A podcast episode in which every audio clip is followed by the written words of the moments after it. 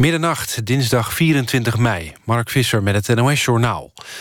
Opnieuw heeft een gevangene zelfmoord gepleegd... in de penitentiaire inrichting in Vught. Volgens de advocaat van de 50-jarige man had hij psychische problemen... en heeft hij mogelijk onvoldoende hulp gehad. De man werd van openlijke geweldpleging... en het voorbereiden van een seksueel getint delict verdacht. Hij beroofde zich op 12 mei van het leven... nadat hij had gehoord dat zijn voorarrest met drie maanden was verlengd. Het is de tweede zelfmoord dit jaar in de gevangenis in Vught. De advocaat vraagt zich af of er genoeg aandacht is... voor de signalen van gevangenen. Cabaretier Erik van Muiswinkel is gestopt als Zwarte Piet... bij een Sinterklaasjournaal... omdat hij vindt dat de NTR de rol van de Pieten niet genoeg verandert. Van Muiswinkel vindt al een paar jaar dat er iets moet veranderen aan Zwarte Piet... zegt hij tegen het AD. Volgens hem kan de NTR er niet aan voorbij gaan... dat sommige Zwarte Piet kwetsend en racistisch vinden... maar krijgt hij bij de omroep geen gehoor. De Italiaanse kustwacht heeft voor de kust van Libië vandaag 2000 vluchtelingen gered bij 15 verschillende reddingsoperaties. De vluchtelingen zaten op 14 rubberboten en een grote boot.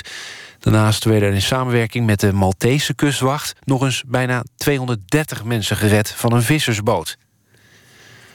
Manchester United heeft Louis van Gaal ontslagen. Zijn ontslag werd gisteren al gemeld door Britse media. Voetbalclub bevestigt het nu. Van Gaal was twee seizoenen in dienst bij United... en had nog een contract voor een jaar.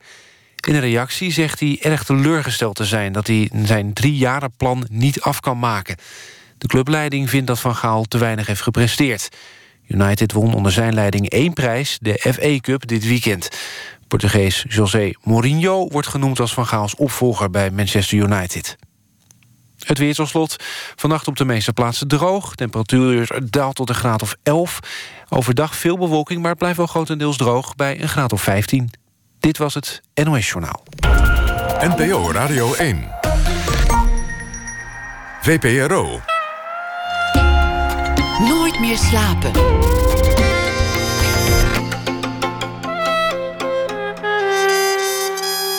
Met Pieter van der Wielen. Goedenacht en welkom bij Nooit meer slapen. Over de dood in televisieseries gaan we het hebben. Welke scenario-schrijver vermoordt nou in de eerste aflevering van het nieuwe seizoen het belangrijkste personage? Dat na ene. Basje Boer komt op bezoek. Zij schreef een roman, haar eerste roman, Bermuda. En Katelijn Schilder zal deze week elke nacht een verhaal voor ons schrijven en voordragen.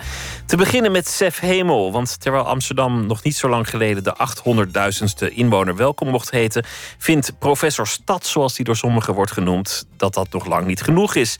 2 miljoen inwoners, dat zou een mooi getal zijn voor een stad als Amsterdam, vindt de planoloog. Sef Hemel is uh, onder meer bijzonder hoogleraar. Hij is uh, voormalig stadsplanoloog in de stad Amsterdam. Hij is een liefhebber van steden en dan liefst grote steden. Nee, geen boswandelingen voor hem.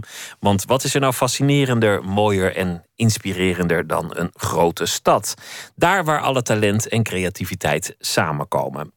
Zelf werd hij geboren in Emmen, of all places, in 1957. Maar als planoloog is hij ook niet eh, van het oude stempel trouwens. De tekentafel, daar moeten we ook maar eens vanaf... want bewoners zelf kunnen de beste expertise en ideeën aandragen. En hij heeft ook meerdere initiatieven ondernomen... om de planologie te veranderen. Sef Hemel, hartelijk welkom. Goeienacht.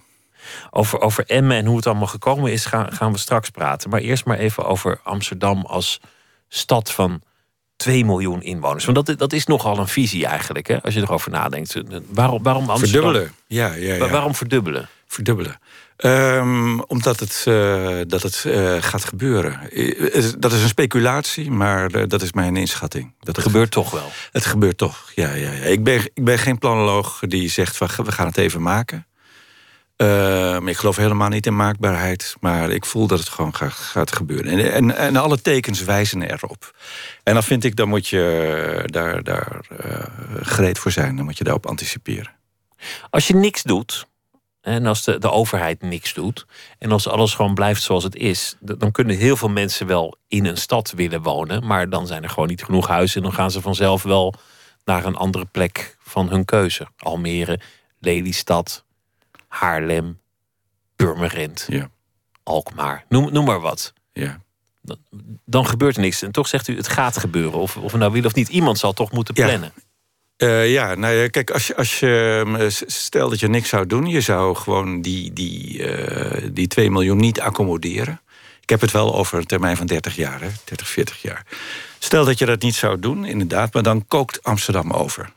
Dus dan, uh, dan krijg je enorme toestanden en verwarring. de prijzen schieten omhoog, dat gebeurt nu al. Dat zie je, zie je gebeuren.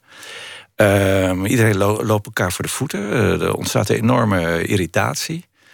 Ehm, ja, ik vind dat dan moet je gaan acteren. Dan, dan, moet je als overheid ook iets gaan doen. En dan moet je, moet je gaan bouwen. Wat je nu ziet is eigenlijk gewoon dat het onbetaalbaar wordt.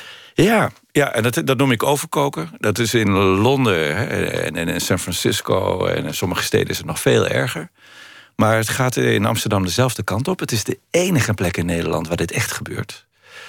En, uh, en uh, terwijl uh, ja, driekwart van Nederland nog onder water staat. Dus die, die huizen zijn gewoon onverkoopbaar. Gaat het in, in Amsterdam, loopt het helemaal de spuigaat uit. Dat is niet goed. Even een stap terug. Want over, over steden wordt vaker toch een beetje negatief gedaan. Een, een platteland, dat is gezond, dat vinden we mooi. Ja. Maar een stad wordt over het algemeen gezien als noodzakelijk kwaad, vervuilend. Ja. Een plek waar je weg moet. Niet in de laatste plaatsen onder stedenbouwkundigen zelf en onder planologen. Ja, in, in eh, Nederland en in Europa in het algemeen. Maar in Nederland in het bijzonder. Dat is buitengewoon curieus. Dus dat heb ik ook in mijn boek beschreven en geprobeerd uit te leggen. Waarom dat zo is. Waarom, waarom doen wij daar zo spastisch over? Waarom hebben wij zo'n ontzettende afkeer van grote steden? En mag het gewoon niet gebeuren? het past niet bij Nederland, is, is vaak wat je hoort. Nederland is, is van de kleinschaligheid, van de kleine steden, de, de randstad, meerdere gemeenten die samen toch ook een beetje een grote stad maken. Ja, maar dat hebben we onszelf aangepraat. En toen onze steden begonnen te groeien, toen zijn we in, in de stress geschoten. Dat was een moment. En toen hebben we ons dapper voorgenomen om dat niet te laten gebeuren. Dus we hebben in de 20e eeuw echt vastbesloten: dit mag niet gebeuren. Sterker nog, wij dachten dat wij de, de mooiste stad ter wereld zouden gaan bouwen, namelijk de Randstad. En die zou uh, een, groen hart krijgen van 180.000 hectare. en, uh, en dat was gewoon een geweldig programma om vooral geen Londen en geen Parijs of wat dan ook te gaan bouwen. En uh, dat hebben natuurlijk mijn, al mijn collega's en, en, en, generatiegenoten, maar ook daarvoor hebben dat, dat echt geprobeerd te, te maken. Met een enorme hardnekkigheid uh, dat niet willen laten gebeuren. En mijn conclusie is nu dat, dat we krijgen het toch. Want Nederland slipt hoe dan ook dicht. Maar je zegt niet alleen we krijgen het toch, je zegt ook we moeten er blij mee zijn dat we het toch krijgen. Nee, maar laten, we dan, maar laten we dan een echte stad bouwen. En, uh, en, en eh, dus dat de ideaal van die Randstad ooit bedacht, dat gaat het echt niet meer worden. Uh, wat we krijgen is uh, wat, wat iemand als Adrie Duivenstein noemt pindakaas. Dus enorm gesmeren over het land. En nu we uit de crisis komen, zie ik het weer gebeuren. En, en dat mag gewoon niet. We moeten, gewoon, we moeten weer leren steden bouwen. Want die Randstad, um, kijk, Delft is mooi en, en, en, en Dordrecht is mooi en Haarlem is mooi. Maar daartussenin is eigenlijk alles zo'n beetje lelijk. Natuurlijk heel veel bedrijventerreinen. Ja. En het is niet echt één stad, want er is niet één plek waar iedereen elkaar tegenkomt. Nee, maar het geldt onderhand voor heel Nederland. Uh, misschien nog uh, noorden uitgezonderd. Maar zelfs voor het noorden hou ik me hard vast. Het, uh, overal zie je het gebeuren. En, en moet je kijken hoeveel er leeg staat. En ik begrijp het wel, want bouwen is nog nooit zo, uh, zo goedkoop geweest. Dus, uh, en de, de grond is, uh, daalt alleen maar in waarde. Buiten Amsterdam dan. Hè. Is ook nog nooit zo goedkoop geweest. Dus je, je kan tegen de klippen opbouwen. Maar dat is geen stad bouwen. Een stad bouwen is een echte stad bouwen. Eentje van 2 miljoen.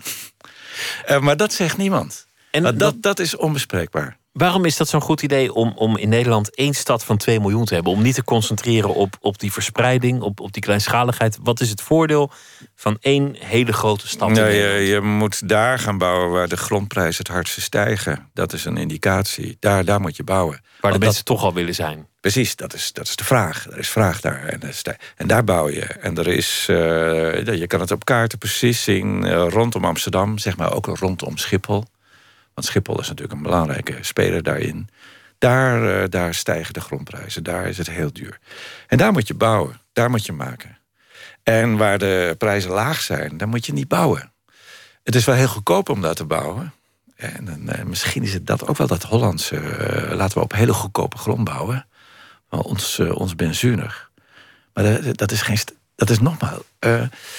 maar het is dat, dat niet een stad. Niet een stad willen maken. Dat is het probleem van ons. Je hebt een, een, een, boek geschreven, dat, dat zal pas na de zomer verschijnen. Ik mocht de, de eerste ruwe versie inkijken. En, en daarin hou je een betoog voor de stad. Niet alleen voor Amsterdam als hele grote stad, maar voor de grote stad in, in zijn algemeenheid. Als de plek waar de menselijke creativiteit echt kan excelleren. Je zegt, als wij niet zo'n grote stad hebben, dan kunnen wij ook niet meekomen met andere landen die dat wel hebben. Ja, want de wereld verandert heel snel, razendsnel. Dus we, we zijn inmiddels wel uh, ervan doordrongen dat, er, dat we met een uh, reusachtige urbanisatie bezig zijn. Echt een mondiale verstedelijking die in Azië en Afrika razendsnel gaat. We staan versteld van de Aziatische steden en we kijken het allemaal met afschuw aan. En wij zijn het oude continent en dat koestert zijn kleine stadjes. En uh, dat lijkt wel stil te blijven staan. En uh, het, het, heeft een geweldige kans. Want uh, steden als Londen willen groeien. Wenen groeit weer. Maar op een of andere manier, zeker in Nederland, het mag niet, lijkt wel. Wat is het grote nadeel van een kleine stad ten aanzien van een grote stad? Want, want oké, woorden als creativiteit komt daar samen. Of groei is daar mogelijk. Of je moet daar zijn waar de mensen willen zijn. Ja. Maar, maar wat heeft Londen wel ja. dat Dordrecht niet heeft. Ja, nou ja, ja dat, dat is een makkelijke. Dat, is een, een inkoppertje, maar toch. Ja, nou ja, Londen heeft alles. Alles. Kijk, het, eh, daarom ben ik gefascineerd door steden. En hele grote steden in bijzonder. Die, het zijn zulke wonderbaarlijke organismen. Want het zijn organismen, hè. En ze, ze bieden je alles, alles, alles waar je maar van kan dromen. Alles, alles. Die hele grote in het bijzonder. Um, en uh, dus wat, wat wij noemen onze levensbehoeften. En, en in, een overmaat en een variatie en, en, en een rijkdom. Uh, dat doen die grote steden.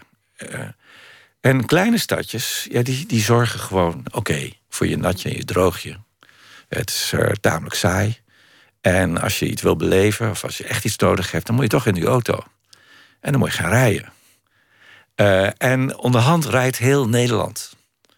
Iedereen zit nu in de auto. En uh, het asfalt is niet aan te slepen. We rijden. En uh, ja, wat we hebben aan voorzieningen, dat hebben we allemaal nog gesubsidieerd. Dus allemaal subsidiestelsels. Uh, dankzij al het aardgas kunnen we dat allemaal nog voorlopig in de lucht houden. maar dat is allemaal bij gebrek aan echte steden dat wij dat doen. Want in, een, in een echte stad dan woon je dichter bij de plek waar het gebeurt. Ga je daar met de metro heen? Want de auto is niet, niet echt je favoriete vervoermiddel. Hoor nee, dus uh, je, je doet alles met openbaar vervoer. En ook in die zin zijn grote steden veel duurzamer dan kleine steden. Kleine steden is, uh, is allemaal auto, auto, auto. Um, en in grote steden wordt alles maximaal gebruikt. Dus echt, daar heb je dag en nacht uh, functioneren ze. Dus um, wat, wat, hoe duurzaam kan je het hebben? Ze zijn dus uh, ongelooflijk krachtig, knap. Ze zijn inventief. Ze maken alles. Ze produceren alles wat mensen van kunnen dromen. Het is allemaal heel dichtbij. Het is duurzaam. Het is helemaal met prachtige metrosystemen. Wordt het ontsloten. Uh, het, zijn wereldwonderen. Maar dit is ook een beetje de droom hoor. Want als ik om half drie uh, Amsterdam inkom, dan zijn alle bakkers gewoon dicht. Weet ik ja, maar Amsterdam is te klein. Kijk, als je voor Amsterdam 2 miljoen maakt, dan krijg je een 24 uur economie. Dan gaan we eindelijk de nachtburgemeester echt bedienen. En nu moeten we dat allemaal kunstmatig een beetje verzinnen. Maar er is, er is gewoon geen vraag, vraag voor, er is geen markt. Maar ga naar Londen, die stad die draait dag en nacht door. Eindelijk krijgt Londen nu ook uh, eh, 24 uur openbaar vervoer. In Amsterdam was het eh, heel lang het streven, en volgens mij nog steeds, om, om een hoogwaardige financiële sector op te zetten. De Zuidas was daarvoor uitgekozen. En die moest volwaardig meedoen met Berlijn, met, met uh, Londen, met New York. Right. Ja, maar dat... Is Amsterdam daar dan bijvoorbeeld te klein ja, voor? Ja, natuurlijk, veel te klein. Ja, dus dat gaat hier, maar dat komt er dus ook niet. Nee. Dus, ehm, Hoe kan dat? Hoe kan een stad te klein zijn voor, voor zo'n sector? Ehm, nou, dat zijn de, de bankenwereld, verzekeringswereld. Dat zijn hele hoog gespecialiseerde functies. Um, en met, met topsalarissen worden daar betaald. En sommige mensen spreken daar schande van, maar dat is gewoon een feit. En ja, die hebben ook een soort van consumptiepatroon. Dat hebben we met, met reportages van Luijendijk gezien. En ja, dat, is, dat, dat kan je alleen maar in hele grote metropolen kan je dat bieden. Dus die mensen die worden nu in, in Nederland ingevlogen. Die zijn hier een paar nachten en dan vliegen ze weer terug. Die kunnen wij gewoon niet betalen. Die willen hier ook helemaal niet wonen. Die, die zijn hier niet. Pas als we een echte metropool bouwen, dan krijg je dat soort mensen in je stad. Want dan heb je, heb je dat niveau van al die voorzieningen en alles wat ze willen hebben. Uh, dat heb je dan voorhanden. En nu heb ik het over zeg maar de top. Hè?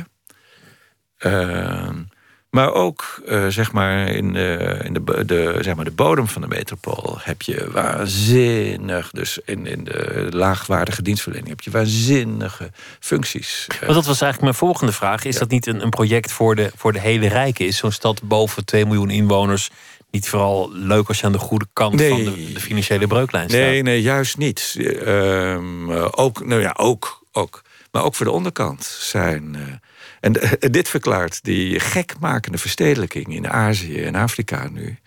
Dat iedereen migreert naar de steden en dat ze ook Europa in willen. En dat ze de Middellandse Zee over willen steken en hun leven wagen om hier binnen te komen. En ze willen allemaal naar Londen. Ja, Sowieso wil iedereen in een stad wonen. Als je, als je kijkt naar, naar de bewegingen van de mensen op de planeet. In Afrika groeien de steden razendsnel. In Azië groeien de steden enorm. Zuid-Amerika, daar, daar trekt alles toch naar de stad. Ja. Maar vaak wordt het ook een beetje gezien als, als een teken van verval. Het, het lukt niet meer om te leven van landbouw. Het lukt niet meer om te leven in, in dun bevolkte gebieden. Het is vaak ook, ook een beetje noodzaak om naar de stad te trekken. Oh ja, ja het is niet allemaal uh, Hosanna. Maar um, uh, voor, uh, toch overwegen de positieve ehm, positieve overwegingen. En migranten weten precies waar ze naartoe willen. Ze weten precies waar de kansen het groot zijn. En voor de vrouwen geldt dat ze onderwijs willen. En daarvoor moeten ze naar de stad. En eh, als vrouwen als op het, vast zitten op het land... Ja, dan zitten ze vast bij de schoonfamilie... en dan uh, hè, moeten ze kinderen baren... Terwijl ze weten, als ze naar de stad gaan, dan kunnen ze zich ontwikkelen. En steden zijn ook bevrijdingsmachines. Dus ze bevrijden mensen, ze maken mensen, ze, ze uh, bieden onderwijs, ze bieden vooruitgang. En ook doordat de grondprijzen stijgen, als je eenmaal bezit hebt in de stad, dan kan je geld gaan maken. Dat weten ze. Je kan niet alleen je neringje, je handeltje beginnen, maar ook je kan hopen dat je huisje en je plotje meer geld waard wordt. Je moet je hem wel in bezit hebben. Dus voor heel veel uh, in, in, in uh, gebieden in Istanbul en, en Dakar en noem maar op, hebben de mensen zijn ze arm, eh, zitten ze in die steden vast. En ze, hebben, ze kunnen niet greep krijgen op die grond. En, op hun, en dan, dan hebben ze het heel, heel zwaar, heel moeilijk. Maar zodra ze bezit hebben, dan, en dan worden ze middenklasse. En dat is, het, dat is razendsnel hoe dat gaat. Hoe er dus een enorme middenklasse ontstaat in, in Aziatische steden.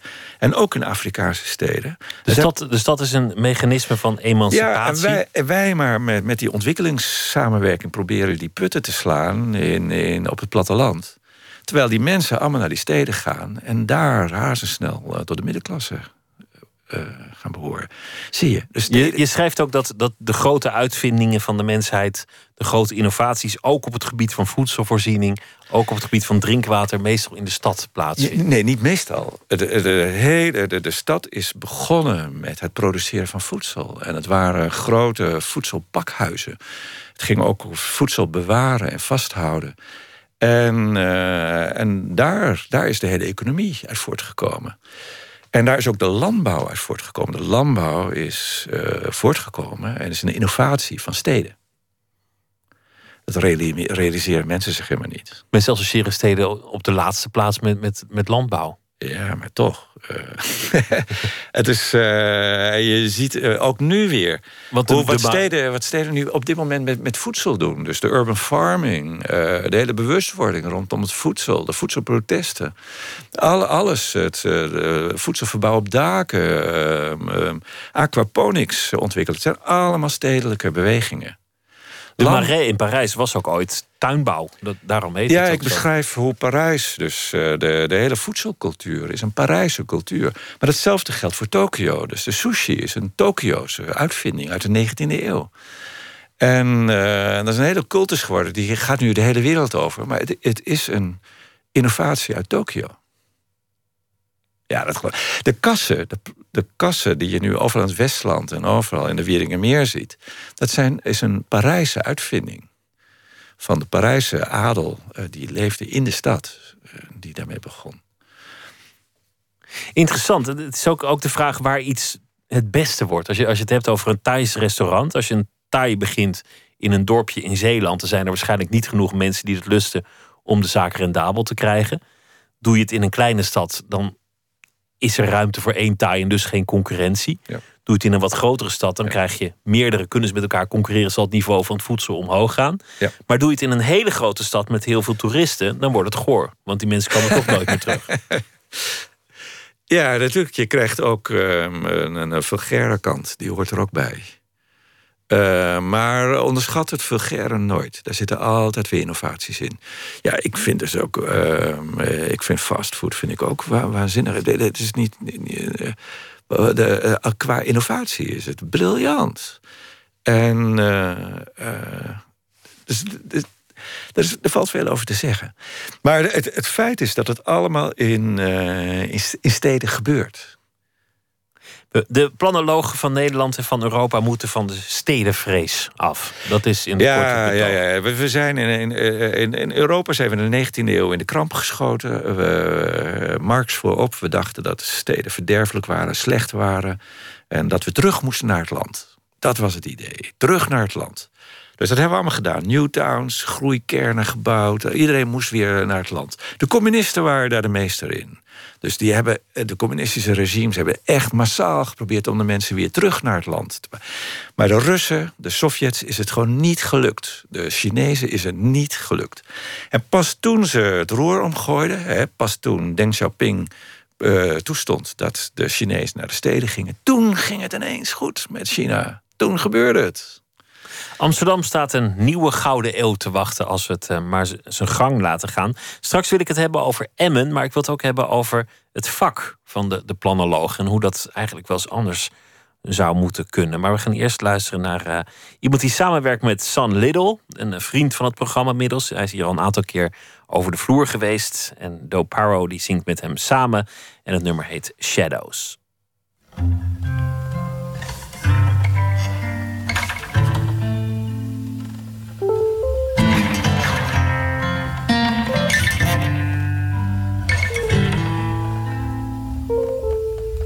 Got my feet on the ground in the place where the light is low.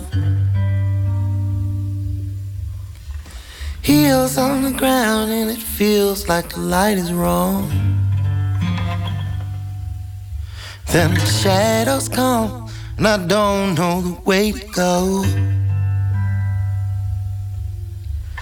All of a sudden it feels like the light is gone.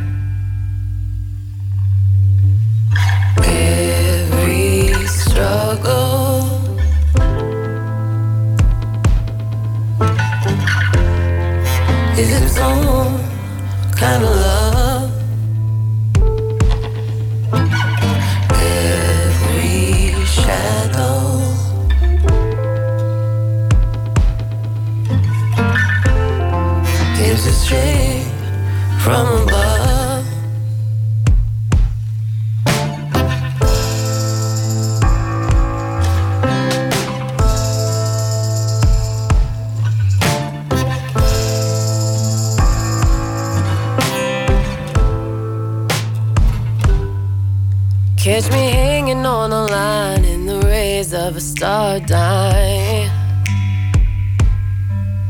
Even when I close my eyes, see the colors that I left behind. Was your light so bright? It's staying my mind. Neglected to mention that just your reflection could drive me blind. Struggle.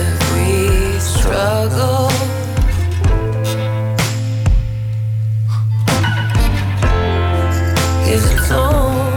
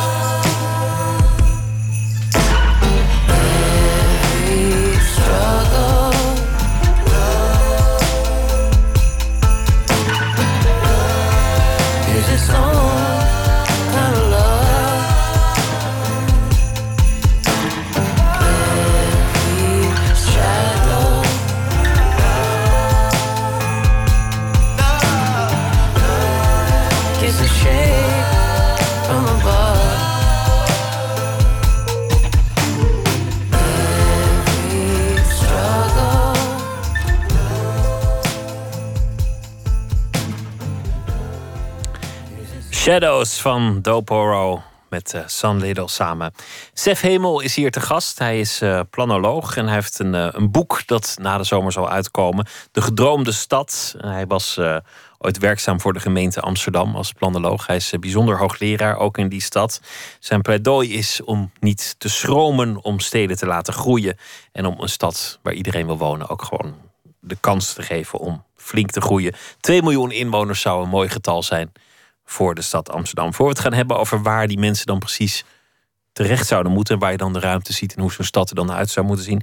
Eerst maar even over Emmen. Want, want daar eh, begon het allemaal. 1957, geboren in Emmen. Over een kunstmatige stad gesproken. Ja, ja een, eh, een eh, industriestad die na de Tweede Wereldoorlog wordt uitgevonden.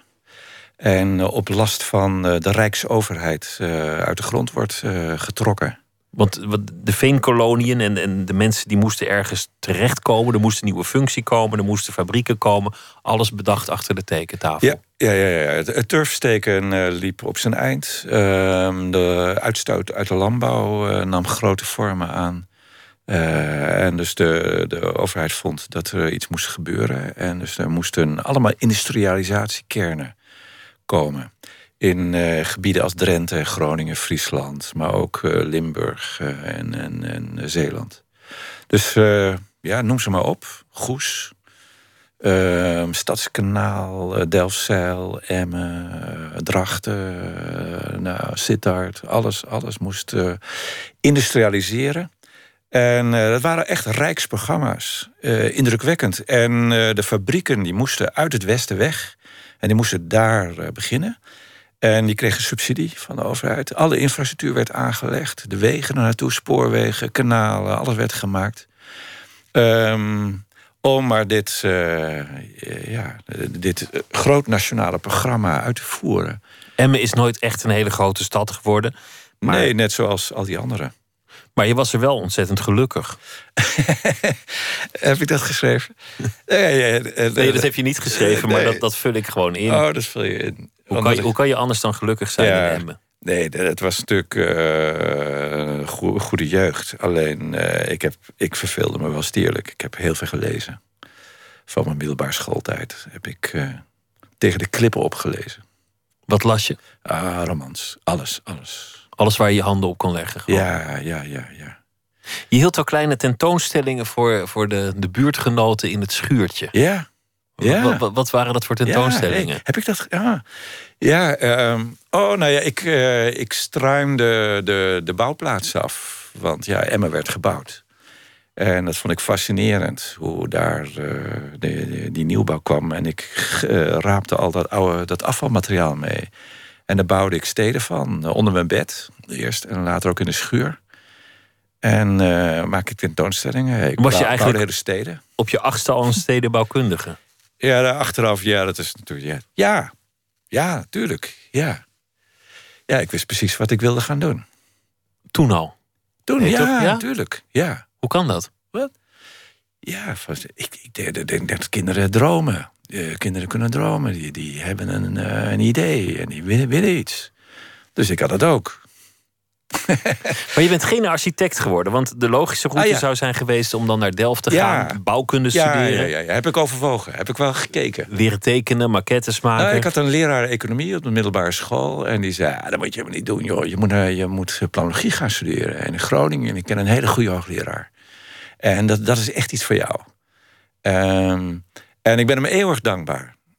Eeuwig dankbaar. En ik ben naar Groningen gegaan, academiegebouw. Ik heb die eh, professor horen bespreken. En ik was helemaal verkocht. Helemaal. Van de berg. Dus ik dacht, bij die man wil ik studeren. En dit is het. En dat was veel meer eh, de geografie. En dat zul ik in mijn boek lezen. Dat is gewoon, het zit helemaal vol met kaarten. Dat zijn de geografen. En dat was mijn echte droomwereld. Zo, de wereld is groot. En zo kan je denken. En eh, die ingenieurs, dat vond ik eigenlijk maar saai. Dat is een beetje bouwen, een beetje klussen en klooien. Ehm, en onder ontwerpen.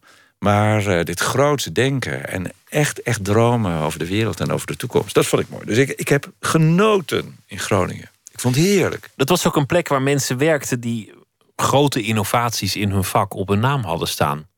Want, want jij noemt Emmen en, en, eh, Ja. en, en Sittard. Maar, maar ik geloof dat, dat het, het woonerf, dat, dat is echt zo'n zo'n Nederlandse revolutie van de stedenbouw. Uit, ja, uit Emmen. Nee, ik ben eh, tijdens mijn studie teruggegaan naar Emmen, naar de, de geestelijke vaders, naar de stedenbouwkundigen en de bedenkers en ook naar de bestuurders, nou, zelfs naar de burgemeester van destijds. Heb ik opgezocht. Gaarland, in Amersfoort ben ik bij hem langs geweest. En ik heb ze allemaal geïnterviewd en ik wilde nou weten waar ik vandaan kwam en wat het was. En ook of het nou geslaagd was en of niet. En dat vond ik heel interessant. Dat ze allemaal eh gedeeltelijk trots waren natuurlijk, maar ook een grote twijfel. En toen ik dat deed, dat was in de jaren, ja, eind jaren zeventig, toen, toen kachelde Emma alweer achteruit. Was het alweer voorbij, de fabrieken sloten, het ging niet meer goed. En, eh, en het Rijk verzon weer iets nieuws. De topografische dienst moest uit Delft weg naar Emmen. En, en ze vulden het ene gat met het andere. Eh, maar er was geen houden meer aan.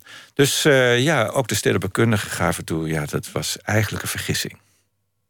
Maar wel interessant om je erin te verdiepen en te zien dat er toch grote geesten verantwoordelijk waren voor die, voor die vergissing. Want het waren ook toch een beetje je helden. Ja, ja, ja, ja, natuurlijk. Ja, helden. Prachtig. Ja, maar helden kunnen zich ook vergissen. En, dan zie je ook het menselijke. Dat je, ja, je gaat voor het avontuur. Je, je gaat van, eh, van Den Haag ga je naar Drenthe. En dan ga je daar een stad eh, bouwen. Dat is natuurlijk heel leuk. En na tien jaar ga je weer terug. En dan ga je weer naar Delft. Zelf- Zelf ging je, eh, uiteindelijk kwam je in Amsterdam terecht. Daar ben je voor de, voor de gemeente gaan werken. Lang in het, in het hart van, van de macht gewerkt. Van eigenlijk de mensen die je nu op milde wijze een beetje een spiegel voorhoudt met, met dit te verschijnen boek. De mensen van wie je zegt van ja jongens, hou nou eens op met dat getut en, en, Ja. en, en laat het nou eens gaan. Nou ja, laat, laat het eens gaan. Ehm, en die macht vind ik eh, nogal betrekkelijk.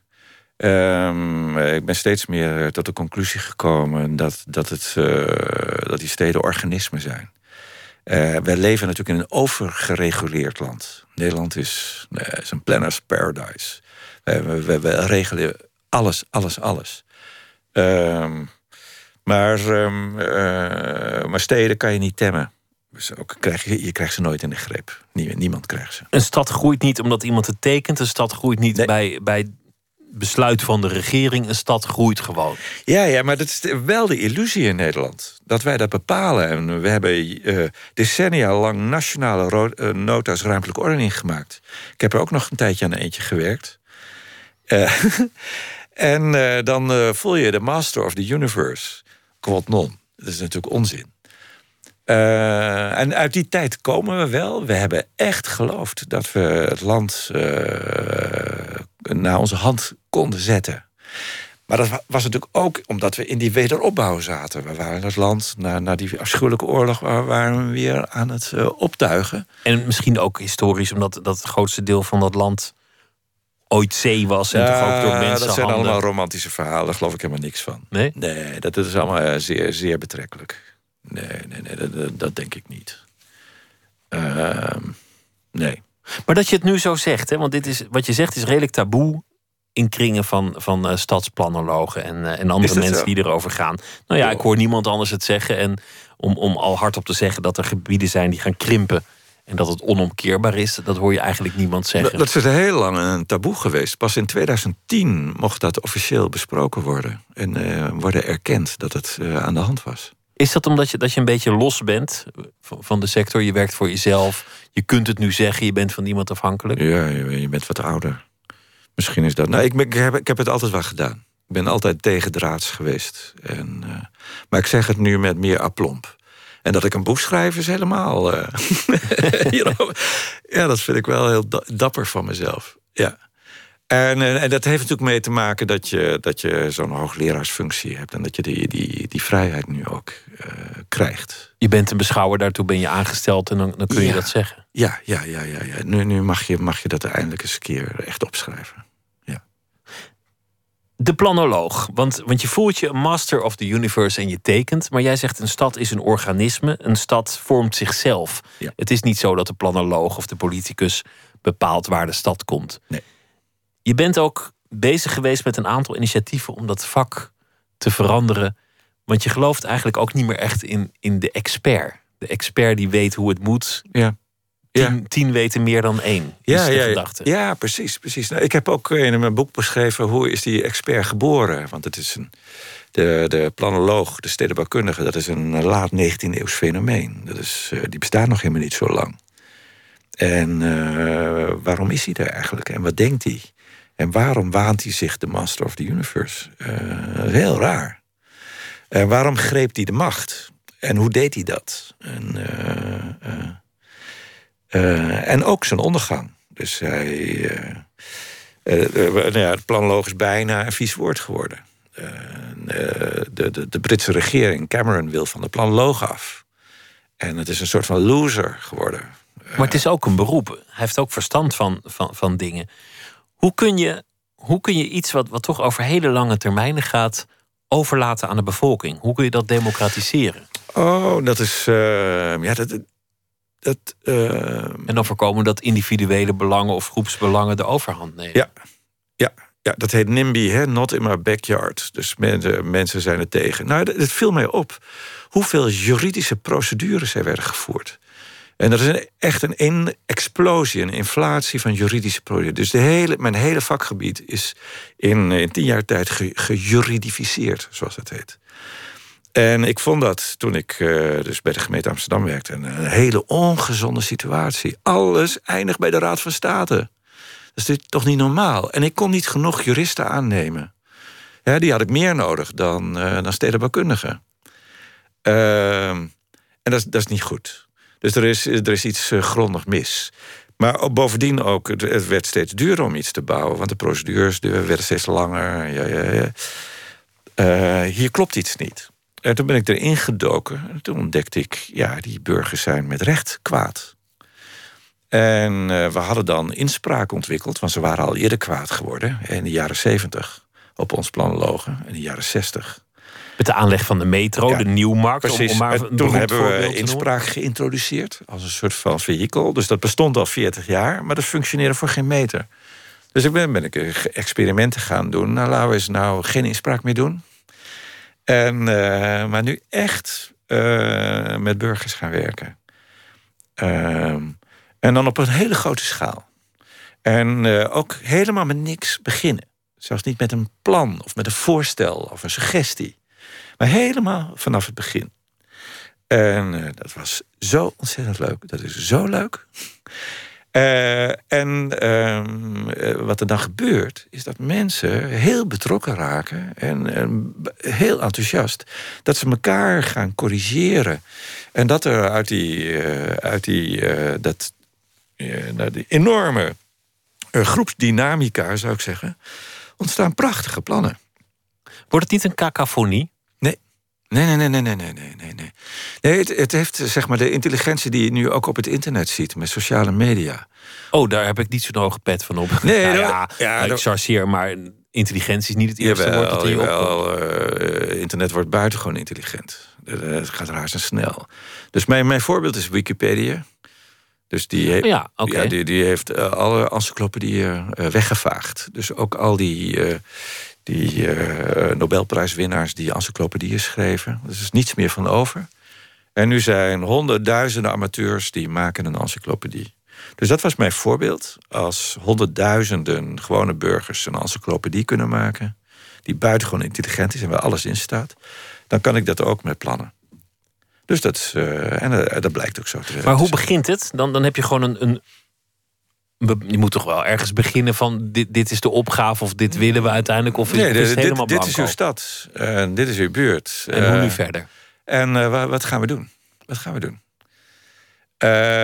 en dat, dat, dat moet je wel in een, een prettige sfeer doen. Dus ik gebruik vaak tentoonstellingen.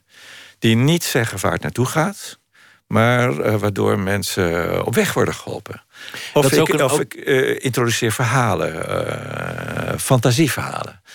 Maar dan, dan gaan mensen reageren. En die reacties, die zijn buitengewoon belangrijk. En dat is ook een bijna nostalgie naar de tijd dat er nog vooruitgangsdenken was. De wereldtentoonstellingen, de, de, ja. de, ja. de, grote plannen. Ja, daar, daar ben ik weer naar teruggegaan. En dat zijn de wortels van mijn vak. Die begonnen met wereldtentoonstellingen. En daar werden steden tentoonstellingen in gehouden. En er kwamen heel veel mensen op af en die reageerden daarop. En uh, er ontstonden, ook in Amsterdam had je uh, zo'n tentoonstellingsgebouw, het Paleis voor Volksfluit. En dat, in dat Paleis voor Volksfluit ging alles over de toekomst van Amsterdam. En er was een hele vereniging van volksfluit omheen gebouwd. En alles ging over de toekomst. En uh, dat was zo'n ongelooflijk krachtige beweging in Amsterdam. Daar, daar danken wij onze in Amsterdam de Tweede Gouden Eeuw aan. Dus daar komt het Vondelpark-initiatief uit voort. Het Concertgebouw-initiatief. De eerste symfonieorkest ontstaat in het Paleis van Volksfluit. De eerste openbare bibliotheek. De eerste hypotheekbank. De, de eerste, nou, eerste ambachtschool. De eerste woningbouwvereniging. Alles komt uit het Paleis van Volksfluit voort. En die sfeer van optimisme. Maar als je aan Amsterdammers vraagt: dit is uw stad, zeg eens wat u wilt dan lijkt het mij moeilijk voor te stellen dat ze zeggen: Ik zou willen dat het een stad van 2 miljoen inwoners nee, was. Dat, nee, dat nee, niet direct. Maar ze komen met uh, fantastische ideeën en voorstellen en initiatieven. Want ik hoor vooral geluiden, eigenlijk vooral uit Amsterdam, maar ook andere steden waar ze zeggen: minder toerisme, minder nieuwbouw. Het mag allemaal kleinschalig blijven. Ik vind het mooi eh, zoals het is. Ja, maar dat is omdat ze niet gehoord worden. Ze, uh, de, de, mensen, als mensen zich niet gehoord voelen, dan gaan ze allemaal hele lelijke dingen zeggen. En dan gaan ze in de niet-stand. Dan uh, zeggen ze allemaal dat wat ze niet willen. dat, dat, uh, maar als je ze van meet af aan betrekt, echt, echt je hele processen openmaakt, dan uh, ontstaat er een enorme, enorme kracht. Hele positieve sfeer. Er is een nieuw album uit van Bob Dylan. Hij heeft uh, Sinatra-covers uh, uitgevoerd. Maar het mooiste is toch nog steeds zijn eigen werk. En we gaan iets luisteren uit 1975. Simple Twist of Fate.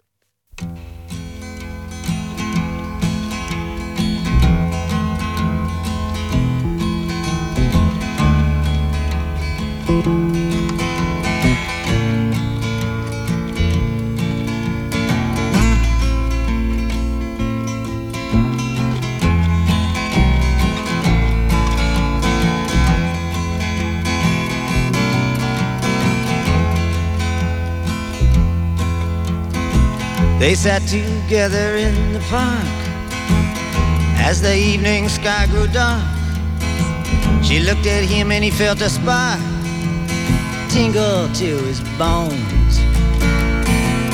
Twas then he felt alone and wished that he'd gone straight and watched out for a simple twist of fate. They walked along by the old canal, a little confused, I remember well, and stopped into a strange hotel with a neon burning bright. He felt the heat of the night hit him like a freight train moving with a simple twist of fate. A saxophone someplace far off played as she was walking on by the arcade. As the light burst through a beat up shade where he was waking up. She dropped the coin into the cup above a blind man at the gates and forgot about a simple twist of fate.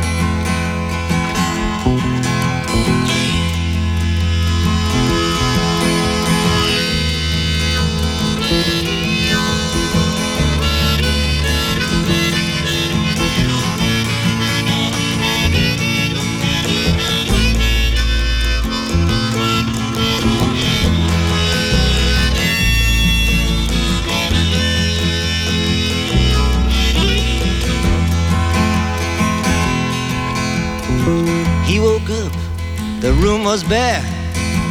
He didn't see her anywhere. He told himself he didn't care. Pushed the window open wide. Felt that emptiness inside, to which he just could not relate. Brought on by a simple twist of fate. He hears the ticking of the clocks walks along with a parrot that talks. Hunts her down by the waterfront docks where the sailors all come in. Maybe she'll pick him out again. How long must he wait one more time for a simple twist of fate? People tell me it's a sin to know and feel too much within. Still believe she was my twin, but I lost the rain. She was born in spring, but I was born too late. Blame it on this simple twist of fate.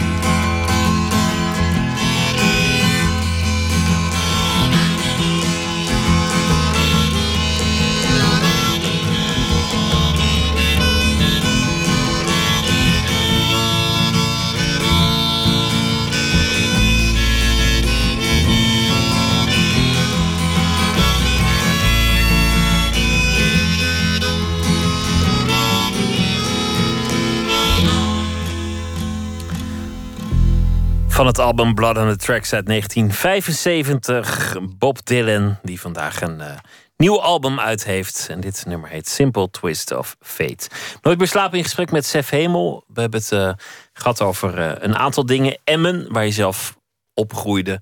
Een kunstmatige stad, geheel en al bedacht vanaf de tafel. Daar moest de nieuwe industrie komen. En dan eerst een stad en dan een fabriek erbij. Je ging planologie studeren, want je was al jong gefascineerd door stedenbouw. Uiteindelijk eh, ben je toch het meest gaan houden van grote steden. En er ook van overtuigd geraakt dat dat voor alles het beste is als mensen gewoon daar wonen waar ze willen wonen. En overal ter wereld zie je hetzelfde. Mensen trekken naar de stad toe. Daar zijn de prijzen het hoogst, daar is de leegstand het laagst. Daar is nog geen krimp aan de hand. Daar komt de creativiteit vandaan. Daar heb je ook genoeg mensen om te kunnen specialiseren wat economisch nodig is. En als we Nederland eh, op de kaart willen houden, dan eh, moeten we het hebben van Amsterdam. Want dat is de meest geschikte stad om zo te groeien. Was eh, ook deel van het betoog. Niet Rotterdam, maar Amsterdam. Nou ja, daar zijn we ongeveer gebleven. Ja, Hoe moet het nou met het platteland? Hoe moet het nou met al die krimpgemeenten? ja, Dan lees ik weer in de krant dat er ergens een bus niet meer stopt. Of dat het zwembad dicht moet. Ja. Of, eh, ja. of dat die mensen ook wel eens een, een, een bibliotheekboek willen lezen. Ja. Mo- moeten we dat gewoon maar laten gebeuren? Eh, dat is volgens mij politiek ook amper haalbaar om, om regio's echt weg te laten krimpen. Eh, maar toch gaat het gebeuren. Kijk, het gaat al een hele tijd niet goed met het platteland. Er, er, er blijft bijna geen boer meer over. Dus het ga- gaat heel snel. En eh, de, de, de horsificatie gaat maar door. Hè. Dus de, de, de, de maneges en de paarden. Oh, dat is horsificatie. Ja, dat is als het paardrijgebied wordt. Ja, ja, ja. En dat, is, dat geeft al aan dat het gewoon eh, niet, niet goed zit. Dus economisch eh, werkt niet. Het, het is ook helemaal, ja, de, de, de, de biodiversiteit is er helemaal uit. Het is helemaal verpest. En het is gewoon einde, einde oefening. Ehm, dus dat is, eh, dat is echt iets om je grote zorgen over te maken. Maar dan zou je in een gemeente als Delfzijl gewoon er naartoe moeten met een sloopbedrijf. En dan, en dan hele wijken gewoon tegen, de- tegen de vlakte moeten Ja, gooien. maar we hebben natuurlijk ook na de oorlog, eh, nou, waar, we, waar we het daar straks over hadden, hebben we zoveel gebouwd op die plekken. Wat, wat allemaal achteraf niet meer nodig is. Want het waren allemaal industriekernen in, dit plattela- in die plattelandsgebieden. Nou, die industrie is alle, allemaal alweer weg. Eh, die huizen staan leeg. Ehm, kijk, platteland is ook heel taai. Er is niet zo taai als een dorp. Dat overleeft alles. Maar eh, alles wat we na de oorlog er ertussen hebben gebouwd, of erbij hebben gebouwd, eh, nieuw hebben gebouwd, ja, dat gaat eraan. De dorpen blijven, maar de, de Ja. naoorlogse nieuwbouw die zal verdwijnen. Ja. Maar dan die, Ja, eh, stad. dat- dat- we zullen eh, dat straks gaan inzien dat het eh, allemaal een, zijn werk heeft gedaan, of eigenlijk niet heeft gedaan. En dat we het moeten opruimen. Maar dan heb je die stad Amsterdam, die, die toekomstige metropool Amsterdam. Waar is de ruimte om die 1,2 miljoen extra bewoners te huisvesten? Hoe, hoe moet je dat doen? Ja, dat wordt heel. dat wordt Wordt heel een beetje, een beetje dicht op elkaar. Dat, dat kennen we ook nog niet in dit land. Maar je ziet het nu voorzichtig gebeuren, maar dat wordt een, een, zeer hoge dichtheid. Wat dat betreft eh, is natuurlijk, laat eh, Rotterdam heel mooi zien eh, wat, er, wat er kan. Rotterdam kan ook hoger bouwen, want het heeft geen historische binnenstad. En het heeft geen Schiphol om de hoek. Dus, maar ja, hogere dichtheden, veel hogere dichtheden. En kleine wonen. En dit is ook wat we willen. We willen dicht op elkaar. Wie, wie zijn we in, in deze? Ja, de stedelingen. De stedel- stedelingen wonen graag klein. Ja, Dicht op elkaar. Nou ja, ja ze, ze, hebben, ehm, eh, eh, ze hebben er alles voor over. En eh, ze zijn bereid om vierkante meters in te leveren. Ja, en de, de vierkante me- meterprijs is ook hoog. Is ook sky high. Dus ehm, eh, ze wonen, de, de, Amsterdammers wonen sowieso al relatief klein. En dat, dat, dat, ja, we- we- we- de- Nou ja, vergeleken met de Parijzenaar eh, wonen ze, wonen nog, ze nog heel riant. wonen ze nog heel Och, riant. Jeetje, ja. eh, of, eh, of Maar- in Londen of in New York. Dat is Maar echt... dan noem eens een plek. Ja. Want dan, dan moet er dus waarschijnlijk nieuwe hoogbouw gaan komen langs de rand Ja. van Amsterdam. Wa- Waar, waar zou die plek ongeveer zitten? Richting Schiphol. Zeg, zeg tegen Badhoevedorp aan of zoiets. Ja, de, de Schiphol-corridor, daar, daar, kan je heel veel nog inbouwen. En, maar ja, dat, we, we hebben nu eerst een stukje Zuidas gebouwd. Eh, maar die hele ringzone, eh, waar, waar de metro in ligt, daar kan je de hoogte in. Tot aan Slo- Sloterdijk toe, maar ook in Noord en in Oost en in eh, Zuidoost. Zuidoost is, is er een relatief lage dichtheid. Daar, daar kan enorm veel bij. Als, als ik op station Duivendrecht sta, zie ik, zie ik niks. Zie ik het dorpje Duivendrecht beneden liggen. De andere kant eh, een paar loodsen in de verte. Er is een, een zee van ruimte. We kunnen enorm verdichten. Maar volgens mij is, is de grootste wens van, van, van, de meeste mensen om juist in een historische omgeving te wonen. Of, of in, in vroeg 20e eeuwse wijken te wonen. Niet zozeer om, om in nieuwbouw of, of hoogbouw te wonen. Nou, mensen die eh, in de stad willen wonen, die zijn eh, daartoe wel, wel bereid. Dus ik heb het ook niet over iedereen. Eh, als er 2 miljoen in Amsterdam wonen, wonen er eh, nou ja, 15 miljoen niet in Amsterdam. Eh, maar die 2 miljoen zijn, zijn daartoe bereid.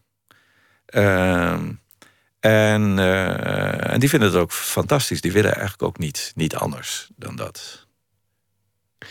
Dan heb je het centrum van die stad, want daar moet het gaan gebeuren. Die creativiteit, die ideeën, Ja. waar, waar het steeds over gaat. De stad is een organisme, maar de stad is ook een, een brein. En de stad is de plek waar de uitvindingen, Ja. de, de innovaties, het talent samenkomt. En waar mensen elkaar aansteken omdat ze elkaar tegenkomen. Mhm. Dat is de plek waar Lennon McCartney kan ontmoeten. En, en mooie liedjes maken, bij wijze van spreken. Ja. Ja. Waar moet dat dan gebeuren? Toch nog in, in dat stadscentrum? Ja, dat, eh, het centrum van Amsterdam is, ehm, eh, is een wa- waanzinnig eh, eh, innovatiemilieu. Als je ziet wat het op dit moment weer doet, het is echt werkelijk verbazingwekkend. Dus de kantoren zijn er helemaal leeg getrokken. En er zitten allemaal start-ups nu in. Eh, het is niet aan te slepen. De coworking spaces. En iedereen zit daar eh, op zijn, achter zijn laptopje. Het is, het is ongelooflijk hoe snel die binnenstad van Amsterdam weer verandert. Eh, en dat is een grote paradox. Dus het oudste stuk, daar, daar gebeurt het weer. En dat is echt de place to be. Nou, het leuke is dat de 19e-eeuwse wijken rondom nu ook echt meegaan. En dat is, dat is het verborgen goud van Amsterdam. De, de, de- dus we hebben een fantastisch overloopgebied. En alles bij elkaar is het een reusachtig gebied. Dat is zo groot als de gemeente Parijs. Dus eh, we, we hebben een gauw, goud in handen wat dat betreft. Een nieuwe gouden eeuw wederom. De, de derde zitten we dan. Ja, ja maar die is, die is al begonnen, hè? dat is mijn stelling. Die is eh, op 4 april 2013 is de derde gouden eeuw begonnen. Wat was er toen? Opening Rijksmuseum. De heropening van het Rijksmuseum. De heropening van het Rijksmuseum. Nou ja, het, het voelde als de opening van het Rijksmuseum na tien jaar dicht te zijn geweest. En wat een feest, wat een spektakel. En vanaf dat moment overstroomde Amsterdam. Ongelooflijk wat er toen gebeurde. Daar hoor ik heel veel geklaag over. En lees ik in de krant dat, dat de, de, de gemeenteraad er zijn er weer geluiden om, om Airbnb aan te pakken. Om een limiet te stellen aan het aantal toerisme, toeristen dat, dat de stad aan kan. Ja, zo'n klap was het. Zo'n klap. Dus het is echt, je wordt in één keer de, de derde gouden eeuw in geslingerd. Gelanceerd. En dat is, dat is ook wat, wat eh, ja, steden lijken op vulkanen. Dus ze kunnen decennia kunnen ze sluimeren en lijken ze dood. Gewoon een dode berg. En ineens barsten ze open. En dat, dat heet de Gouden Eeuwen. En die, duren doorgaans eh, 50, 60 jaar. Dat is een soort van wetmatigheid. En dan is het weer voorbij. En dan, eh, dan wachten ze weer op de volgende uitbarsting. Dus Amsterdam is uitgebarsten. Dus het is echt een krater. En, eh, en die spuwt vuur en lava op dit moment. En eh, ja, dan is er consternatie als dat gebeurt. Is altijd aan het begin, ook van onze eerste gouden eeuw in Amsterdam, was er ook consternatie in het begin. En dat zie je daar bij de Brouwersgracht, hè, waar het begon. Eh, men wist bij God geen raad. En bij die tweede gouden eeuw, daar bij Sarfati, bij de vierde uitleg, daar eh, bij de Amstel, wisten ze ook geen raad hoe dat nou moest. En, en, en moesten allemaal nog binnen, binnen, de single, binnen de single. En toen bulkte het er overheen. En toen, toen kwam het in de pijp terecht. En dat was grote chaos. En dat was revolutiebouw, heette dat. Eh, en pas later kwam Berlage. En toen gingen we echt weer eh, stad bouwen. Dus een gouden eeuw begint altijd met consternatie. Dit, dit is Paniek, het gaat te Paniek. snel. Wat is er aan de hand? ja, ja, ja, en dan is altijd het gemeentebestuur in rep en roer.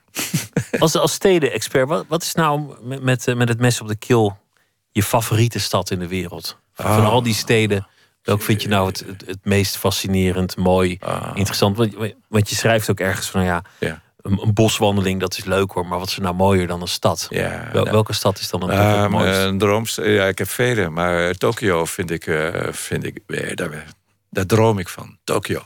30 miljoen, 35 miljoen inwoners. Eh, sommige delen voelen gewoon als dorpen. Het, het is onwaarschijnlijk wat daar gebeurt. Onwaarschijnlijk. Je kijkt je ogen uit. Als je nog nooit in Tokio bent geweest, dan weet je niet wat, eh, wat de wereld is, waar die naartoe gaat. Maar de Chinese steden vind ik ook ehm, fascinerend wat daar nu, eh, nu gebeurt. Guangzhou. Van die, van die Eh, miljoenen steden Wuhan, die... Ja, ja, ja, ja. Beijing, hoe dat explodeert, wat er gebeurt. Ehm, ik kom de laatste tijd veel in Moskou. 17 miljoen inwoners. En het boomt en het gaat. Het gaat maar door. En hoe snel het gaat, wat een dynamiek. Dus eh, ja, jaloersmakend. Verrukkelijk. Dus eh, als, je, als je nou iets wil Ja, en je wilt le- leven, ja, dan, dan, dan, een echte liefhebber van de hele grote steden. Het boek komt eh, september uit, Sef Hemel. Hartelijk dank. Planoloog. Dank dat je langs wilde komen hier in het uh, altijd rustige kleine Hilversum. Zometeen gaan we verder met uh, Nooit meer slapen. Gaan we het hebben over reiskoorts. Basje Boer komt langs om te praten over haar eerste roman. En Katelijn Schilder schrijft een verhaal bij de voorbije dag.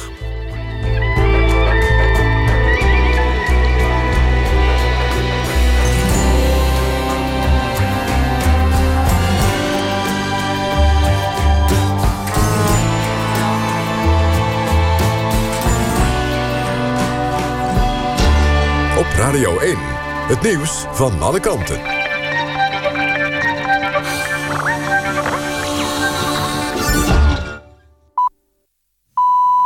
1 uur. Mark Visser met het NOS Journaal. Het toestel van Egypt Air dat vorige week donderdag neerstortte in de Middellandse Zee... is voor het van de radar verdween niet van koers veranderd. Volgens de Egyptische autoriteiten zijn er op de radar geen draaiende bewegingen waargenomen. Volgens de Griekse minister van Defensie draaide het toestel voordat het in zee stortte... maar een woordvoerder van de Egyptische luchtvaartautoriteit zegt nu... dat er geen verdachte bewegingen waren. Vliegtuig vloog volgens hem op een normale hoogte, ruim 11 kilometer... toen het van de radar verdween. Sindsdien zijn er in de Middellandse Zee alleen wat brokstukken gevonden. Als de zwarte dozen worden gevonden... wil Egypte ze zelf onderzoeken. Opnieuw heeft de gevangene zelfmoord gepleegd... in de penitentiaire inrichting in Vught. Volgens de advocaat van de 50-jarige man had hij psychische problemen... en heeft hij mogelijk onvoldoende hulp gehad. De man werd van openlijke geweldpleging... en het voorbereiden van een seksueel getint delict verdacht en beroofde zich op 12 mei van het leven... nadat hij had gehoord dat zijn voorarrest met drie maanden was verlengd. Het is de tweede zelfmoord dit jaar in de gevangenis in Vught. Advocaat vraagt zich af of er genoeg aandacht is... voor de signalen van gevangenen. Cabaretier Erik van Muiswinkel is gestopt als hoofdpiet bij het Sinterklaasjournaal... omdat hij vindt dat de NTR de rol van de pieten niet genoeg verandert. Ook vindt hij dat hij geen grip meer had op de rol. Van Muiswinkel zegt in een interview in het AD... dat hij al drie jaar geleden de NTR heeft laten weten... dat er gehoor moest worden gegeven aan de roep om een andere Piet. Volgens hem kan de publieke omroep er niet aan voorbij gaan... dat sommigen het type als racistisch en kwetsend zien.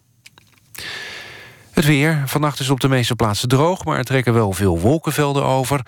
Ook overdag veel bewolking, maar het blijft wel grotendeels droog... en het wordt dan een graad of 15 bij een frisse noordwestenwind. Dit was het NOS Journaal. NPO Radio 1. VPRO. Nooit meer slapen.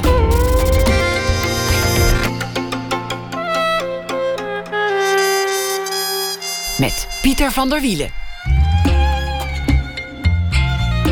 Vooruitlopend op de tentoonstelling Reiskoorts in de Halle in Haarlem... over reizen als inspiratiebron voor de kunstenaar... gaan we op bezoek bij Joost Konijn... die het reizen in bijna al zijn werk een rol laat spelen. We zochten hem op in het vluchtelingenkamp van Calais... want daar zijn uh, film aan het maken. Basje Boer komt langs, schrijfster, muzikante, kunstenaar... naar aanleiding van haar roman Bermuda. We beginnen met Katelijn Schilder. Zij zal deze week elke nacht een verhaal maken over de voorbije dag. Schrijfdocent en ook auteur van romans... De Eenling en Eerst een Huis. Twitter, het VPRO NMS en we zitten ook op Facebook. Katelijn Schilder, goeienacht. Dag Pieter. Vertel eens, er is alweer een eh, dag voorbij. En jouw taak deze week om de dagen te vereeuwigen in een verhaal. Wat Ik was het voor op dag? jacht. Oh, Eh, nou, de hele dag eh, sluimerde al het nieuws dat Louis van Gaal ontslagen zou worden. En vanavond werd het bevestigd dat het definitief einde verhaal was voor Van Gaal bij Manchester United. En er kwamen door dat nieuws ook meteen wat sappige details eh, naar boven... waarvan je natuurlijk nooit zeker weet of ze helemaal waar waren. Maar er was één detail eh, waar, ik op zich, waar ik heel gelukkig van werd. En dat was ehm, eh, dat Louis op een gegeven moment luisterden de spelers niet meer naar hem. En dan ging hij maar mailtjes sturen naar die spelers. En op een gegeven moment had hij in de gaten dat niemand die mailtjes meer las.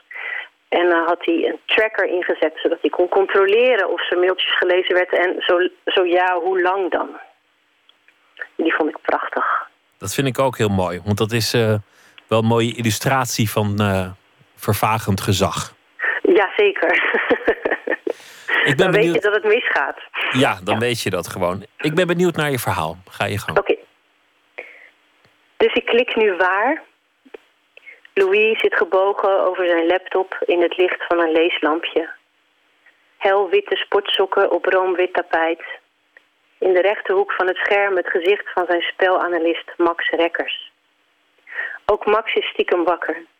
Van hun vrouwen mogen ze s'nachts niet werken. Daarover appen Truus en Janine met elkaar. Zoals ouders doen die hun kinderen consequent willen opvoeden. Louis' vingers zijn te stram voor het kleine toetsenbord. Bij alles wat hij probeert slaat hij twee letters tegelijk aan. Hij voelt zich als een leraar die geen orde kan houden. Als hij er twee in de hoek heeft gezet, glipt de rest via het raam naar buiten. Op de gang kijkt de directeur hoofdschuddend door een kier van de deur. Maar deze nacht, van achter zijn laptop, heeft hij ze allemaal in het vizier. Zoals Rinus Michels s'avonds laat door de straat van Kruif reed om te kijken of zijn auto wel voor de deur stond. Zo controleert hij nu vanaf de keukentafel of er nog naar hem geluisterd wordt. Wie in is, wie uit. Schweinsteiger opent nooit een mail van hem. De grafieken liegen niet. Blind in de paai wel, maar ja, kort. Onmogelijk dat ze in acht seconden drie spelanalyses en twee pagina's tekst bekeken hebben. Rooney leest niet, dat weet iedereen. Maar die leest niks. Dan klinkt er ineens een belletje. Louis schrikt op. Wat was dat? roept hij naar Max. Dat is de Gea, zegt Max. David opent nu zijn mail. Samen wachten ze. Ze tellen de seconden. Eén minuut moet herhalen, denkt Louis. Minstens één minuut. Tot zover. Een mooi verhaal over het uh, afnemende gezag van Van Gaal. En uh, uiteindelijk leidend tot zijn ontslag. Ik vind het ook wel een interessant moment andersom. Het moment dat je besluit om je, om je, je superieur feitelijk op de spamlijst te zetten. Om een spamfilter in te zetten voor alle mailtjes van je baas. Dan, dan heb je wel echt maling. Of dan denk je, nou, die is toch zo weg. Het lijkt me toch een drempel. Lijkt me een enorme drempel. Ik, en ook bij Louis van Gaal kan ik me het zo moeilijk voorstellen. Ik, als ik, ik zou dat nooit doen. maar, omdat hij, omdat hij zo boos kan worden, bedoel je? Ja, ik vind hem, nou, als er toch iemand is met gezag, dan uh, denk ik toch wel aan uh, mensen als hij. Ja, en dat, uh, dat, dat verbaasde mij toch wel enorm. Ik bedoel, dat, dat er dingen niet goed gingen, dat was heel, heel, lang duidelijk. Maar dat, dat, dat zijn eigen spelers niet eens meer zijn mailtjes openden, dat is wel echt schokkend. Ja. ja, gezag is altijd een moeilijk begrip. Ik denk dat gezag ook een beetje te maken heeft met succes. Dat, dat als jij ja. Hebt bewezen dat jouw strategie werkt, dan heb je vanzelf meer gezag dan wanneer het elke keer mislukt en je er maar aan vast blijft houden. Ja, nou ja, je zou denken dat, dat ze hem wel iets. Uh, lang, ja, dat ze hem iets langer uh, hadden getolereerd. Maar ze waren het al snel zat, heb ik het idee. Ah joh, hij vindt wel weer wat. Katelijn ja. Schilder, dank je wel. Goeienacht en graag weer uh, tot morgen. Tot morgen. Een duo uit uh, Engeland, Undead Waves. Ze hebben een album gemaakt en uh, dat doet een beetje denken aan een Amerikaanse roadmovie met schitterende, desolate landschappen. We gaan luisteren naar Blackbird. I got a big blackbird in my bedroom. He keeps on singing to me. He said, You will not believe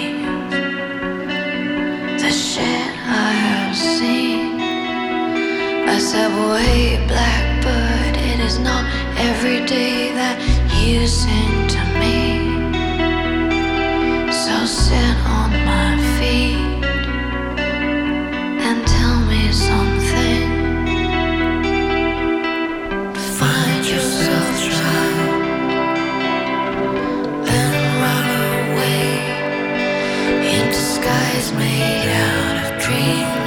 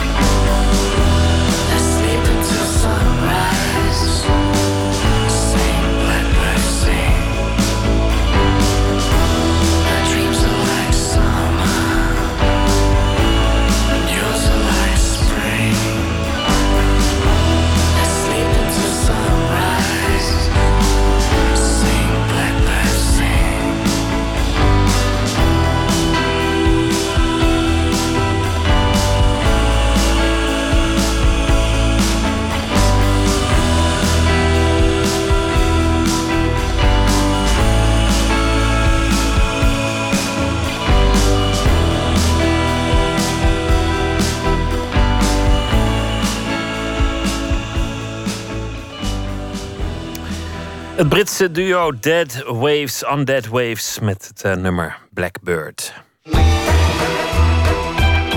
Nooit meer. Reizen was altijd een grote inspiratiebron voor de kunstenaar. Ofwel op pad met de ganzenveer of de schildersezel. Of uh, gewoon bij thuiskomst erover schilderen of schrijven. Vanaf de tijd van Ilias hebben omzwervingen de verbeelding geprikkeld. Dat zal ongetwijfeld ook de gedachte zijn geweest achter de ten zomertentoonstelling. Vrijdag eh, zal die van start gaan in Haarlem in de Halle. Het gaat over kunst en reizen. Een van de beide tijdse kunstenaars die op de tentoonstelling te zien zal zijn, althans zijn werk, dat is Joost Konijn. Joost Konijn zou u kunnen kennen, want het is de man die zelf een vliegtuig bouwde en daarmee naar Kenia vloog. Matthijs Deen ging dus op zoek naar deze Joost Konijn om hem te vragen naar zijn gedachten over de verhouding tussen kunst en reizen. Maar dat viel allemaal niet mee, want u vermoedt het al, Konijn was op reis. Hij bleek uit te hangen in Calais en daar is hij bezig met een film in een vluchtelingenkamp. Een impressie uit de wereld van reizigers tegen wil en dank.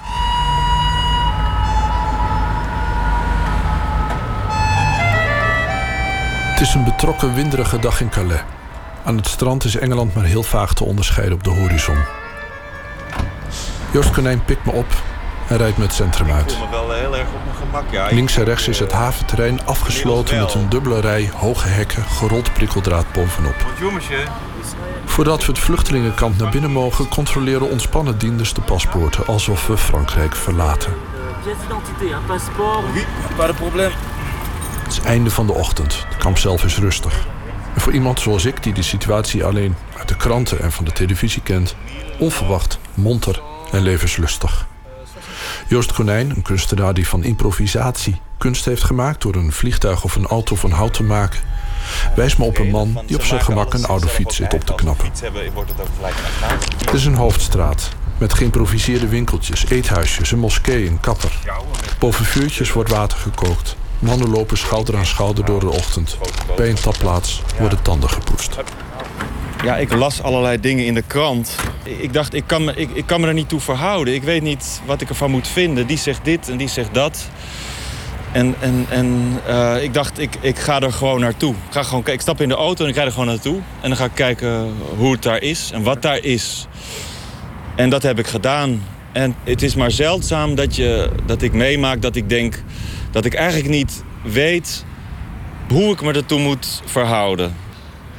Ik was even helemaal in de war. Van jezus, wat is hier gaande? En wat vind ik hier nou inderdaad van? En, en, en, en, en ja, hoe, bijna helemaal een soort van... hoe ik totaal in het leven sta, was even aan het wankelen. Je bent toch een, uh, een kunstenaar, geen journalist? Nee, maar ik ging er ook niet als een journalist naartoe. Ik ging er gewoon als mezelf naartoe. Ik, ik las dingen in de krant waarvan ik dacht... ja, uh, wat moet ik hier nou van vinden? En ik vond dat ik er iets van moest vinden. Waarom? Omdat het heel groot is. Dat, dat het hele Europa waar we een muur omheen willen bouwen... Ik dacht als een soort middeleeuws fort en de ophaalbrug willen ophalen... terwijl de, eromheen de wereld in brand staat. Ik dacht, kan dat, kan dat wel of kan dat niet? En, en uh, ja, hoe, hoe er in, in getallen en, en statistieken over mensen werd gesproken... Ik vond het allemaal heel ingewikkeld. Ik wist niet of dat wel kon. Ik dacht, ik ga die mensen even ontmoeten en kijken wie ze zijn... en wat, ze, wat voor verhalen ze hebben en waar ze vandaan komen. Dus ik, ik kwam hier aan en, en er was een man en die was een, een, een, hut aan het timmeren met spijkers. En een paar mannen en die zeiden, hey, heb jij nog spijkers, weet je wel? Ja. Ik zei, ja, ik dacht, ja, ik heb nog wel spijkers. Ik stond daarnaast maar een beetje te kijken. Maar, uh, maar, die stonden thuis op een plankje, weet ja. je wel? Ik dacht, ja, moet ik die nou gaan halen of moet ik die volgende keer meebrengen? Heb, hebben wij nog Frankrijk verlaten naar jouw idee? nou, nee, juist niet, denk ik. We zijn, uh, ja, ja, we lopen door een soort, soort straat met inderdaad... het is een soort blubberstraat die inderdaad normaal in Afrika... waar je die normaal in Afrika vindt, ja, of in uh, dat soort gebieden. Maar die is gewoon hier in, uh, ja, in Frankrijk. En heb jij, toen jij hier voor het eerst kwam... ben je dan ja, contact gaan leggen? Hoe is dat eigenlijk gegaan? Want je moet ergens beginnen. Ja, ik wist dat ook niet precies. Ik ben er gewoon ingegaan en ik dacht ook van... moet ik bang zijn of is het gevaarlijk of word ik, word ik beroofd? Of je bent toch op je hoede. Maar ik merkte al heel snel dat, dat iedereen eigenlijk ontzettend aardig is. En, uh, En je groet, net zoals dat in Afrika is of in, in, eh, in Azië. En dat de mensen vragen, hey, kom even binnen, kom even een kopje thee drinken. Want eh, ze vinden het leuk. En dus al heel snel eh, had ik heel veel kennissen of vrienden zelfs eh, gemaakt hier, ja. Gisteren was ik hier en eh Mikey, een jongen die ik ken uit Eritrea... een soort vriend van mij, die, eh, waar ik altijd even... En die was er niet meer. Die was... Ze zeiden, ja, Mikey is naar, Nederland. En dat geeft die andere jongens allemaal weer... ja, ja, ja. Geeft die andere jongens weer allemaal heel veel hoop. Wie hè? is dat nou? Je- Ja, dat is, was een vriend van Mikey. Ja, Oh, ja, ja, ja, ja. dus die, eh, Hè? Hij is net een restaurant begonnen. Oh, dat is een moskee ook. Ja, dat is een moskee, ja. Klein, kleine moskee. Voor mij is reizen, ik ben opgegroeid gewoon in, in het oosten van het land. Je ging gewoon lekker op vakantie. Dat, Ja. dat is reizen. En, dat, Ja. je, en dan, dat neem je dan mee verder je leven in. En zeg van nou, ik, ik vind het toch heerlijk om onderweg te zijn enzovoort. En, eh, en op een of andere manier is datgene wat jij hebt gemaakt... is daar ook een soort het, het vieren ervan. Hè? Dat is onderweg zijn. En, Ja. en dan helemaal op je eigen manier. Ja. Deze mensen zijn ook allemaal onderweg. En ze zijn Ja. ook allemaal ondernemers. Ze maken ook allemaal dingen. Maar ze hebben een totaal andere motivatie. Verandert dat jouw kijk op reis? Nou, ja, god, het, is, het zijn gewoon... Het, ja, wij, leven, wij hebben veel meer vrijheden dus, vrijheden. Dus wij kunnen het op die andere manieren reizen. Maar het is, dat zijn de verschillen. Maar er zijn ook wel overeenkomsten, denk ik. Het zijn, ik dacht erover na, die mensen die ondernemen deze reis... En reizen, ja, dat zijn natuurlijk ook je, je grenzen opzoeken of ontberen. En, en, en eh, soort, hè, een soort, eh, het is ook een reis in jezelf. Dus dat is, dus wat ik, er, wat ik erover dacht is dat deze mensen zijn dat ook allemaal aan. Dus in zekere zin onderga je ook in een reis ook wel die overeenkomstige dingen. Deze mensen die hebben 21 dagen door Iran gelopen. En zijn eh, eh, eh, de bergen overgegaan en weet ik wat allemaal. Dus ik dacht, het zijn ook hele sterke mensen. En een reis legt ook een, een soort van fundament onder je van... hey, dit is mij gelukt, dit, dit doel heb ik gehaald. Wat je ook heel, wat je ook heel veel kracht geeft. Dat gaf, gaven die reizen mij dan zelf. Dus ik dacht, dat moeten, de- deze mensen moeten dat ook... eh, die ervaringen hebben. Dus Is ik dat dacht, zo? En ja, dat ook? dat, dat denk ik wel, wel, ja. Ik denk dat het... eh, ja, alleen al heel fysiek zijn het zulke... hebben ze zoveel gelopen en gedaan en, en dingen bereikt... en het gehaald en het overleefd. En... Nou goed, je krijgt heel vaak eh, ook weer een, een- vooroordeel van ja, de asielzoeker. Maar ik denk dat het iemand die dit allemaal, die ontberingen heeft doorstaan... ook heel veel potentie heeft. Er zijn ook mensen die hier komen net, net aankomen. Zoals gisteren zag ik een paar jongens. En dan zie je wel, zie kan ik echt zo van... Ik heb ze alleen maar even gefilmd zodat ze zitten in hun tent. En ja, ik dacht, jezus, wat hebben die mannen of die jongens meegemaakt? Of wat hebben ze achtergelaten? Of wat hebben ze doorstaan, weet je? Ze kwamen hier net aan in deze wereld of in deze situatie. Na die hele lange reis. En ehm, ik zag het meer op hun gezichten, dacht ik het te zien, ja. Ja. Ja, ja. Je hebt het dan over een film. Je maakt een film? Ja, ik probeer een film te maken, ja. Wat is dat ja. dan voor film? Ja, dat weet ik ook nog niet helemaal precies. Maar eh, dit is ook moeilijk, want eh, ze willen ook niet allemaal gefilmd worden. Ja, ik, ik wilde eigenlijk een film maken over eigenlijk de dagelijkse eh, dingen die ze doen. Dus niet over de... Ik wilde ze niet interviewen, ik wilde ze geen verhalen laten vertellen. Ik wilde ze gewoon filmen, dat ze eten maken, dat ze vuur maken... en dat ze hier met z'n allen zijn en eh, hoe ze dat met elkaar doen.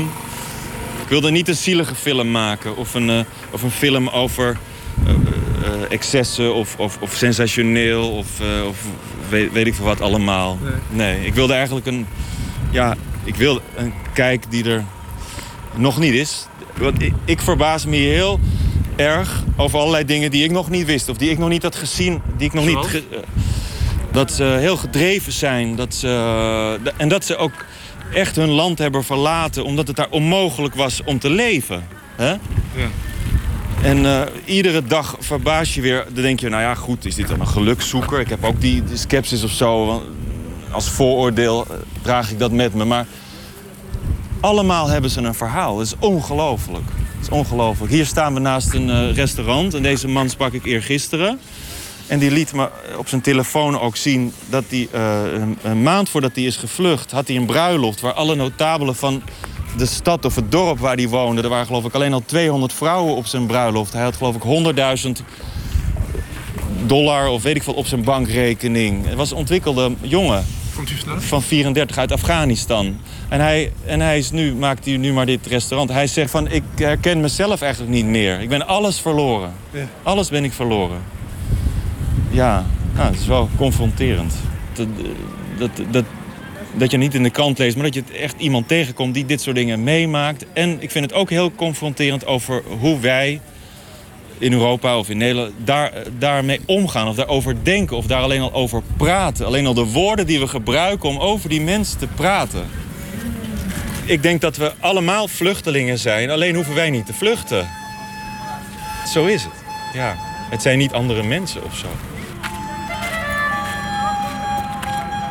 Maar dat zijn ook allemaal heel bijzondere dingen. Hoe hier in een plek die alleen maar blubber was en niemandsland... hoe daar langzaam een soort civilisatie ontstaat of een stad ontstaat. Hoe iemand hier een hut bouwt met daarin een, een emmer heet water... en een, een aantal doeken en een, en een kapperstoel en een spiegel. En, en je ziet hoe iemand daarin beweegt en dat hij zich al een eh, een plek heeft gemaakt waar hij weer kan leven. Of waar weer vrienden langskomen om thee te drinken. Om, dat er een soort economie ontstaat.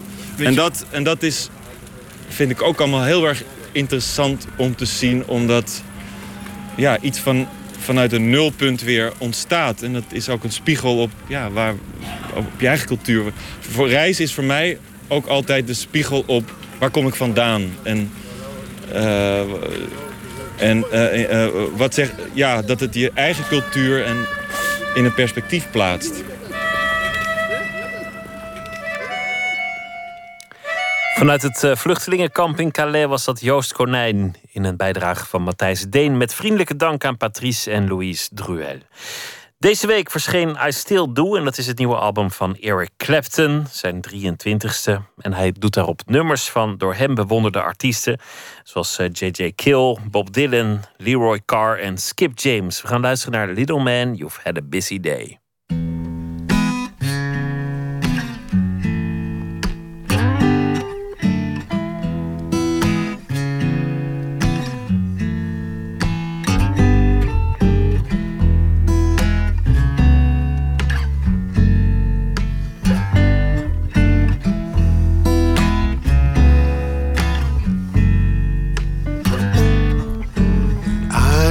Why you're crying.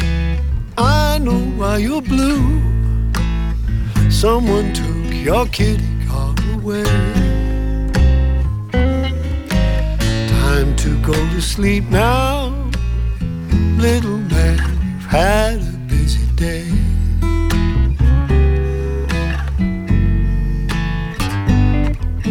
Someone took your marbles. Tell you what I'll do. Dad'll buy some new one right away. Time to go to sleep now. Little man, you've had a busy day.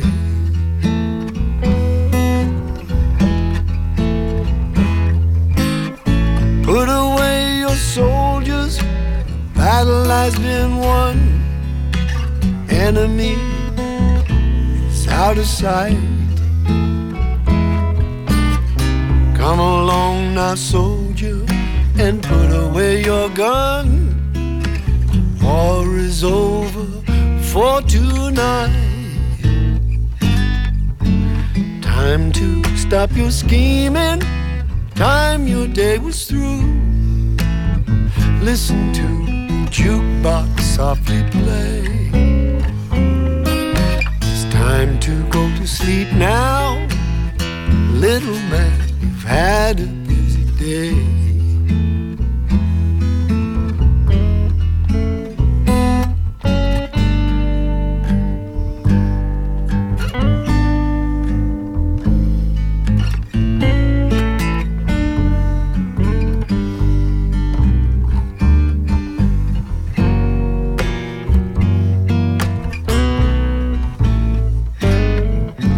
Time to stop your scheming this day was through, listen to the jukebox softly play. It's time to go to sleep now, little man. You've had a busy day.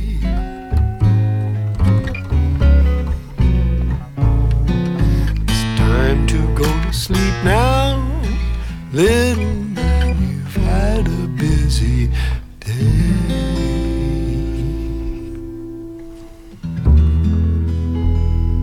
Little Man, You've Had a Busy Day. Hier uitgevoerd door Eric Clapton. Werd al eerder gedaan door Vaughan en Bing Crosby en talloze anderen.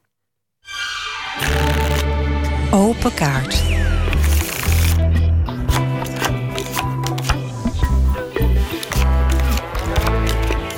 Een bak vol met kaarten, 150 stuks. Op elke kaart staat een vraag. En het uh, toeval bepaalt dus mede het gesprek. Want de gast trekt zelf de vragen. Basje Boer zit tegenover me haar uh, nieuwe roman. Haar eerste roman, die verschijnt morgen. Bermuda is daarvan de titel. De hoofdpersoon die uh, maakt beslissende weken mee in het leven. En beslissende maanden zelfs. Een vriendschap wordt verbroken. Eerst gaat de hoofdpersoon zich terugtrekken en daarna de wereld in. Angsten overwinnen en uiteindelijk ontdekken wie ze zelf is. Basje Boer, hartelijk welkom. Hoi. Hoe zullen we doen? Zullen we, zullen we eerst. Nee, weet je wat we doen? We gaan gewoon meteen beginnen met die kaarten. En okay. dan, dan, komen we vanzelf op alles uit. Als, als de kaarten een beetje gunstig gezind zijn. Oké, okay, dat is goed. Ik wilde nog zeggen dat je ook fotografie hebt gestudeerd aan de, aan de Rietveld Academie. Dat je mm -hmm. eigenlijk scenario-schrijfster wilde worden. Dat je op bent gegroeid in het centrum van Amsterdam. Dat je eerder een verhalenbundel hebt gemaakt. En uh, dat morgen je roman verschijnt. Er klopt één ding niet. Ah. Ik heb tot mijn zesde inderdaad op de Oude Hoogstraat in Amsterdam gewoond. Dus echt op de Wallen ongeveer. Um, maar toen ben ik verhuisd naar Westzaan en daarna naar Zandam. Dus ik heb vooral in de Zaanstreek gewoond. Dat, dat is toch anders dan, uh, dan ik dacht. Ja. Daar komen we straks vast op te spreken als de, als de kaarten dat, dat willen. Oké. Okay, Ga je uh, gang. Heb je tatoeages? Is de vraag. Ja. Kort en bondig, nee. Nooit overwogen? Want, want veel uh, leden van jouw generatie die, die hebben zichzelf aardig onder laten klodderen. -hmm. um, ja, mijn vrienden uh, houden er ook van. Dus dan denk je op een gegeven moment... misschien is het wat voor mij, wat zou ik doen? Um, er was één idee dat wel bleef hangen. En dat was echt vreselijk, eigenlijk heel egocentrisch. Mijn eigen naam op mijn pols. Daar heb ik wel lang over na zitten denken, maar nooit gedaan. Het past niet bij. Ik wil niet. Ik wil dat als ik zeg maar um, uh, bloot ben, dat ik ook echt bloot ben. Dat je niet nog een soort versiersel hebt ergens. Of dat je iets op de een of andere manier aangekleed bent. En zo voelt zo'n tatoeage voor mij dan wel eigenlijk. Ja, want dan heb je toch een zekere mate van uh, aangemeten identiteit bij je. Precies. Ook al ben je, ben je naakt. Ja, dus dat was de reden. Dus ik ben heel blij dat ik dat niet gedaan heb. Past ergens ook wel bij het thema van je boek, omdat mensen vaak een tato nemen om een beslissend moment in hun leven vast te leggen, of om een eigen identiteit uit te dragen of te verankeren, mm -hmm. of bepaalde eigenschappen aan zichzelf toe te meten of, of bij zichzelf vast te houden. Dat zijn allemaal thema's die in het boek wel terugkomen. Nou ja, uh, Bermuda gaat heel erg over identiteit, maar ook heel erg over een soort vloeibare identiteit. Dus de hoofdpersoon, Meis, die wil ook bij iedereen iemand anders zijn of kijken hoe ze iemand anders kan zijn bij verschillende mensen of hoe dat precies werkt. En uh, dus een tatoeage zou niet bij haar passen, want dan laat ze elke keer zien van ik ben deze persoon met deze anker op mijn schouder of uh, wat dan ook. Um, dus ik denk dat dat juist niet bij haar zou passen. Ze wil zich toch elke keer weer aanpassen en iemand anders zijn. Dat lukt niet helemaal in het boek, maar dat is wel eigenlijk waar het, waar het over gaat. Dus die zou gewoon niet weten welke tato ze zou moeten nemen? Nee, nee. Maar ja, ja. nog een kaart. Ja, okay. laten we het doen. Anders zitten we steeds te praten over een tatoeage die je helemaal niet hebt. Nee, precies. Um, welke beslissing zou je het liefst terugdraaien? Vraagt de kaart. Um, ja, dat, ik, daar hou ik niet van. Ik hou er niet van om spijt te hebben. Of om, ik bedoel, dat heb je wel eens. Maar uh, om na te denken over hoe je iets anders zou kunnen hebben gedaan. Dat, uh, dat gebeurt natuurlijk. Dat, daar, daar denk je over na. Um, maar ik zou hier niet een antwoord op willen geven. Want die beslissing is nu helemaal gemaakt. Dat vind je eigenlijk een beetje getut. Om terug te komen op, op, op dingen die gebeurd zijn. Nou, dat zou ik niet willen zeggen.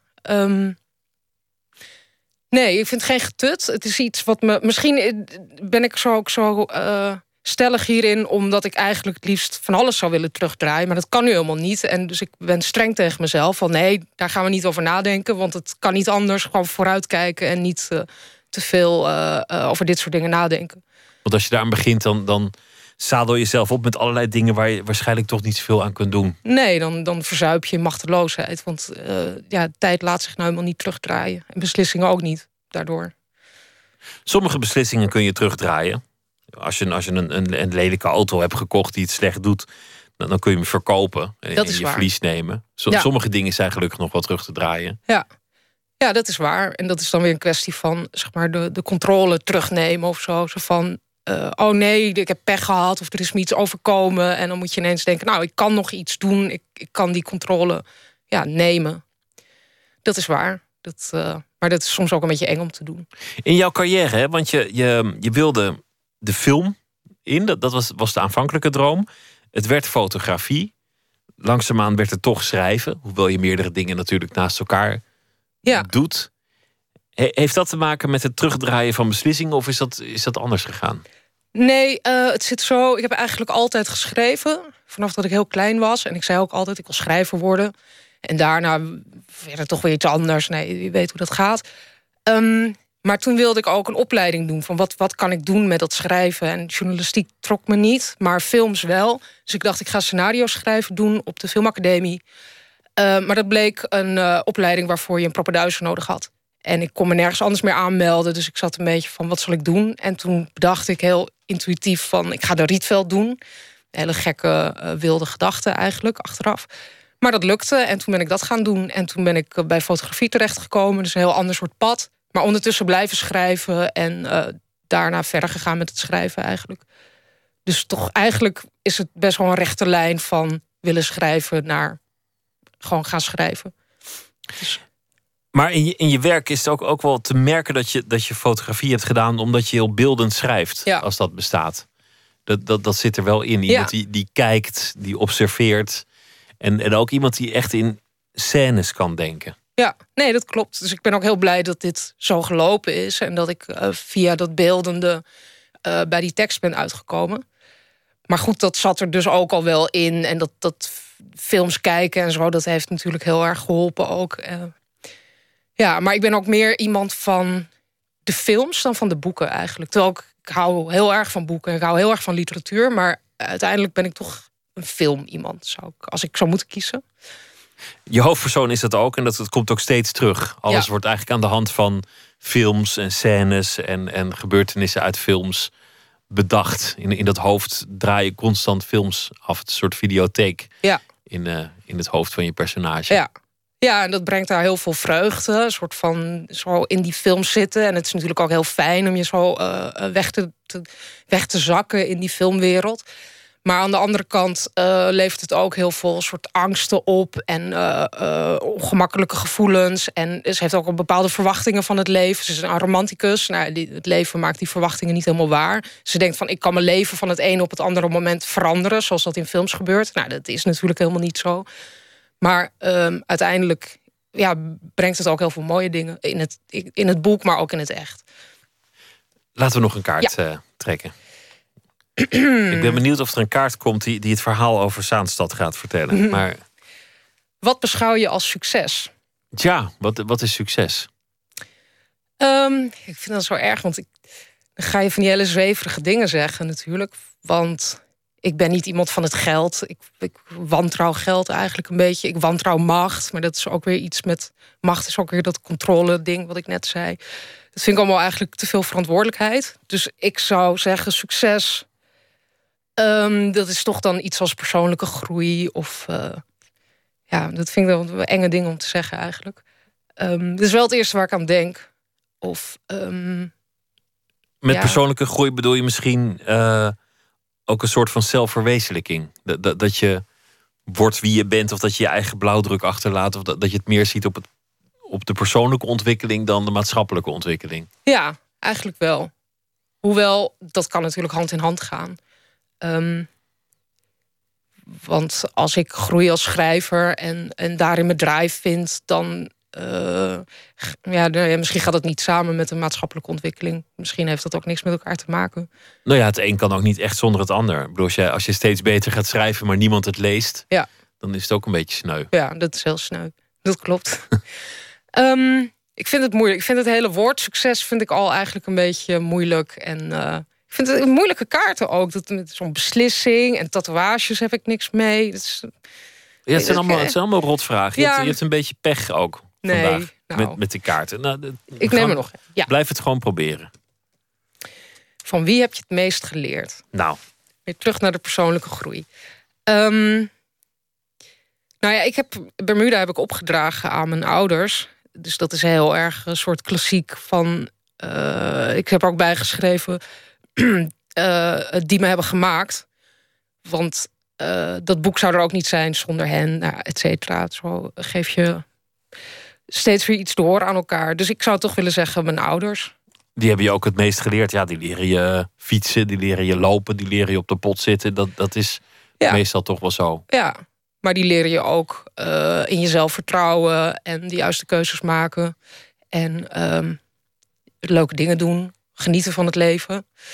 En dat heb ik allemaal wel geleerd van mijn ouders. Wat, wat, eh, wat waren dat voor mensen? Want- Want je werd wel geboren in Amsterdam, maar je verhuisde uiteindelijk eh, naar eh, de Zaanse Schans en naar Zaanstad. Ja. Wat, wat, wat bracht je ouders daar? Ehm, nou ja, zoals gezegd, we woonden, dat was begin jaren tachtig op de Oude Hoogstraat. Dat betekent dat op weg naar de crash zei ik de prostituees gedag. En als ik buiten ging spelen, dan moest mijn moeder mee, want daar zaten junkies, zeg maar, op het, in het speeltuintje. En dus zat ik altijd binnen boeken te lezen, eigenlijk, als kind. En spelen eerst en daarna boeken lezen. En ehm, daar had mijn moeder op een gegeven moment geen zin meer in. Die dacht, ik wil gewoon lekker eh, ergens meer buiten wonen en waar mijn kind buiten kan spe- spelen. Nu bleek ik daar uiteindelijk helemaal geen interesse in te hebben. Maar toen zijn we uit, via Westzaan, waar het echt heel landelijk was, beland in Zaandam, wat een beetje, wat toch stads is. En eh, met heel veel soorten mensen en echt een, een stadsgevoel, maar veel rustiger dan Amsterdam. En eh, toen ben ik alleen met mijn moeder eigenlijk daarheen gegaan. En mijn vader is in Amsterdam gebleven. En later zijn ze ook gescheiden. Ehm, dus ik ben eigenlijk eh, grootste deel van mijn jeugd alleen met mijn moeder geweest. Geen broertjes of zusjes. En dat was een hele intense band, zeg maar. Omdat je echt eh, ja, met z'n tweetjes bent. Maar dat was wel heel mooi. Maar jouw moeder ging, ging weg uit de stad en je vader dacht, ja, dag, daar heb ik geen zin in. Ik blijf hier, maar wel met de gedachte aanvankelijk, Ja. we blijven bij elkaar. Ja, maar het was allemaal heel... Hun hele huwelijk was een beetje zo los vast of zo. En ook een beetje van... Ja, de grillen van mijn vader en mijn moeder die dacht van... nou ja, dat, eh, ik pas er wel een mouw aan en het komt wel goed. En niet uit, ik bedoel, geen kwaaiigheid van mijn vader... maar ehm, op een gegeven moment zei mijn moeder van... nee, ik wil het eigenlijk heel anders. Ik, ga, ik kom voor mezelf op en we gaan het eens anders aanpakken. En die zei toen, ik wil scheiden. Gewoon helderheid. En dat was een hele goede beslissing van haar. En dat gaf mij ook heel veel helderheid. Ehm, Maar je vader was toch al niet thuis, dus, dus Nee. er was al een soort nee, scheiding light Ja, aan maar hij wilde eigenlijk en mijn moeder en eh, in Amsterdam wonen. Die wilde veel te veel tegelijkertijd. Maar uiteindelijk eh, is dat zo ja, gelopen. Maar ja, nogmaals, geen kwaaiigheid van mijn vader of geen. eh, ehm, nou ja. Gewoon hoe hij was. Ja. ja. Laten we nog één kaart Ja. eh, proberen. Wat wil je absoluut nog maken? Ehm, ja, heel veel. Ik wil heel veel maken. Ik wil heel veel boeken maken. Eh, fictie, non-fictie. Ik wil een scenario schrijven. Het lijkt me te gek om een film te maken. Ehm, ik maak muziek, dus ik wil ook wel eens een album maken. Mm, goed kunstwerk. Mooie tentoonstelling. Foto's. Ja, of tekeningen. Het is, ja, ik ben wel iemand, ik ben wel een soort veelvraat eh, eigenlijk eh, op dat gebied. Dus dat, ja, ik gewoon nog heel veel, alles. Ik wil alles wel maken. Een scenario, ik denk dat dat, dat je goed af zou gaan. Ja, Ja, denk, als ik je boek lees, denk ik, die, die kan ook wel een goed scenario maken. oké. Dat, dat, eh, Nou. Die gok durf ik wel. eh, Ga ik dat eerst maken. Het boek verschijnt morgen. Bermuda is daar van de titel Basje Boer. Dankjewel en heel veel succes. Dankjewel. Marissa Nadler, een Amerikaanse singer-songwriter met een bedwelmende gotische zang die leunt op melodieus gespeelde gitaarlicks. Haar nieuwe album heet Strangers en het stuk heet Nothing Feels the Same.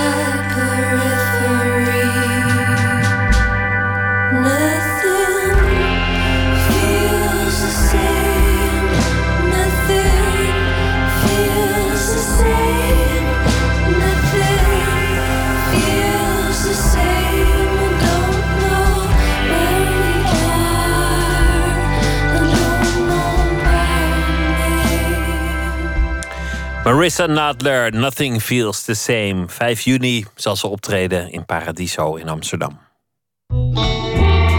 Nooit meer slapen. Het is altijd het uh, hoogtepunt in een televisieserie. De televisie Dode. Emmy Colau is nachtcorrespondent. En die vond de tijd om het thema's aan te snijden. De dood in tv-series. Welkom, uh, Emmy. Wat een uh, heerlijk onderwerp. De dood. Waarom? Goed onderwerp voor kwart voor twee s'nachts, toch? Uh, ja, dat komt door Game of Thrones, de televisieserie. Een fantasy-achtige soapserie, zou ik het bijna willen noemen. En dat is de meest gedownloade serie ter wereld. En het is ze weer gelukt. Iedereen heeft het weer over de nieuwste doden. Eigenlijk na een vroegtijdig uitgelekte aflevering gisteren, die is nu ook gewoon online te zien. En tot aan CNN aan toe schrijft daarover. De acteur is inmiddels geïnterviewd en alles. En dat gaat dus om een fictioneel karakter. En er zijn inmiddels ook polls die voorspellen wie de volgende dode in de serie is. En ook sites die bijhouden wie er allemaal al dood is in Game of Thrones. En er zijn ook heel veel mensen die denken dat er uiteindelijk maar twee mensen over zullen blijven in de hele serie. En wat ik hier eigenlijk wil betogen is dat de manier waarop de schrijvers van Game of Thrones omgaan met die dood ons kijkgedrag en ook andere series zullen beïnvloeden. Juist. Omdat ze Maar- dat op een hele andere manier doen dan eigenlijk, nou ja, toch wel bijna alle andere series. Een interessant eh, betoog. Het is een fantasy-serie, dus eh, dat wordt dat doodgaan, dat doe je ook niet, niet heel lichtvaardig. Je wordt vergiftigd, verbrand, opgehangen, eh, doorboord, gespiest, onthoofd, aan stukken gereten. Ehm, Ja, dat gaat er meestal nog wel grof aan toe. maar zo hoort maar dat, dat. is niet het chockerende. Want nou ja, grof geweld op tv, ja, he- helaas zijn we dat wel gewend, zou ik bijna willen zeggen. Maar het gebeurt altijd met mensen eh, waar je het totaal niet van verwacht. En waar je het ook helemaal niet van wil, namelijk bij de helden. En eh, Joost de Vries, die is recensent voor de Groene Amsterdammer en schrijver. En hij blogt heel eh, vaak over Game of Thrones. Hij, ik belde hem en hij memoreerde de eh, afleveringen uit het allereerste seizoen. Waarin Ned Stark, dat is de held van de serie, de man waarvan je verwacht, oh, die gaan we negen delen lang volgen. eh, waarin die dan opeens onthoofd wordt voor de ogen eh, van zijn dochter. Als kijker ben je gewend dat de grote held, de koene ridder, altijd op het laatste moment door het oog van de naald ontsnapt. En bij die aflevering zat je denk ik ook helemaal klaar voor. Je verwachtte van oké, de koning geeft hem gratie op het laatste moment. Hij ontsnapt op het laatste moment. En dat gebeurde niet. Zijn kop wordt gewoon keihard afgehakt. En ik denk dat dat voor het eerst was dat Game of Thrones echt heel duidelijk aangaf naar, eh, naar het grote publiek toe van wij gaan, wij gaan dit heel anders doen. Ja, en het werd allemaal nog veel en veel erger. Dus eh, toen iedereen van de schok bijgekomen was... toen kwam in seizoen drie een aflevering... waar nog heel lang over nagepraat is... waarin zo'n beetje een hele familie van good guys werd afgeslacht. Inclusief ongeboren kind. En dat was zo geruchtmakend dat er ook allemaal filmpjes verschenen... met alleen maar de reactie van de kijkers. En eh, de schrijver van Game of Thrones, de, van de boeken... eh, George R.R. Martin, die werd ook prompt uitgenodigd... in bijvoorbeeld de Conan O'Brien Show. En die moest zich bijna verantwoorden. En eh, presentator O'Brien die vat het wel heel goed samen. You get us to really care about characters, love them, think that they're central to everything, and then you kill them. you sick bastard. I do do that. Yes, Yeah. it's true. Vroeger was het zo bij tv-series dat aan het eind van het seizoen werd iemand vermoord, maar je wist niet wie, zodat je het begin van het volgende seizoen weer zou kijken. En het was handig bij de salarisonderhandelingen van de sterren, want wie het meest vroeg, die was dan de mysterieuze dode. Tegelijk kun je zeggen, het is onhandig, commercieel gezien, om, om de ster, de publiekslieveling, het, het belangrijke karakter, te vermoorden. Ja, want in de eerste aflevering van het volgende seizoen bleek dan altijd weer dat diegene eh, toch weer tot leven was gekomen. Er is zelfs een hele eh, seizoen geweest van Dallas in 1986, als ik het goed heb, waarin dan Bobby dood zou zijn. En iedereen aan het rouwen. Een hele serie gaat erover. En in de allerlaatste aflevering staat hij opeens doodleuk onder de douche. En blijkt het allemaal één grote droom te zijn geweest. Eh, dus ja, je, je laat je held gewoon niet sterven. En Rogier Proper, uh, dat is een scriptdokter. Die stond aan de wieg van Goede Tijden, Slechte Tijden. En die schreef het boek Kill Your Darlings. Een leuke titel, maar hij bedoelde daar dus juist niet het hoofdpersonage mee. Maar dat was een scenario-schrijfboek. En uh, hij zegt van, ja, wij, wij waren daar juist niet op uit om uh, karakters dood te laten gaan. Daar waren we niet zo op uit om mensen te laten sterven, omdat dat... Ik geloof niet dat het publiek, of het idee was bij ons dan het publiek dat niet zo leuk vond. Maar dat wil niet zeggen dat er niet gestorven werd, want uh, er gingen wel eens acteurs weg of ze waren zo slecht dat we ze eruit moesten schrijven. En het leukste was natuurlijk om dan iets te bedenken, een originele manier waarop iemand uh, het hoekje omging, zullen we maar zeggen. Ja, nou was het bij goede tijden, slechte tijden ook wel zo dat iemand op een hele lange wereldreis ging en nooit meer terugkwam. Dan, of, dan werd of hij gewoon niet... terugkwam uit de dood. Dat gebeurde ook wel met enige regelmaat vroeger. Ja, dus daar werd vrij flexibel mee omgesprongen, maar het was nooit een doel om mensen te vermoorden. Zeker geen uh, belangrijke personages. Maar goed, dit keer is het anders. Vertel. Ja, dus in Game of Thrones uh, ja, heeft dat toch wel degelijk een functie. Ze draaien daar uh, eigenlijk de hele boel om. Dus nadat je gewend raakt aan dat die mensen uh, steeds doodgaan, wordt dat eigenlijk de spanning. Uh, en dat werkt op een rare manier misschien nog wel veel verslavender. Joost de Vries. Al kijk je naar een tv-serie, waarbij je weet dat de held uiteindelijk het altijd wel overleeft. En altijd op het laatste moment, à la MacGyver, een soort uh, uh, konijn uit de doos weet te toveren. En ongeschonden thuiskomt. Ja, ik bedoel, daar ga ik niet naar kijken. Je, je hebt wel het idee, denk ik, als, als kijker is het wel zo fijn als je het gevoel hebt dat er iets op het spel staat. Dus wat betreft, ja, is dit denk ik toch weer iets wat je gewoon steeds interessanter gaat zien. Hè? Ja, en het gaat natuurlijk ook een beetje om, om een middeleeuwse sfeer. En in de middeleeuwen was, om met, uh, wie was het, Hobbes te spreken... het, het leven nasty, brutal en short. Je ging Ja. gewoon vrij makkelijk dood in die tijd. Ja, maar het is toch wel echt een omkering. En ik denk dat het wel eens navolging zou kunnen krijgen. Omdat we zoveel gewend zijn. Dat je dus een nieuwe manier nodig hebt om die spanning erin te krijgen. Joost de Vries zegt er dit over.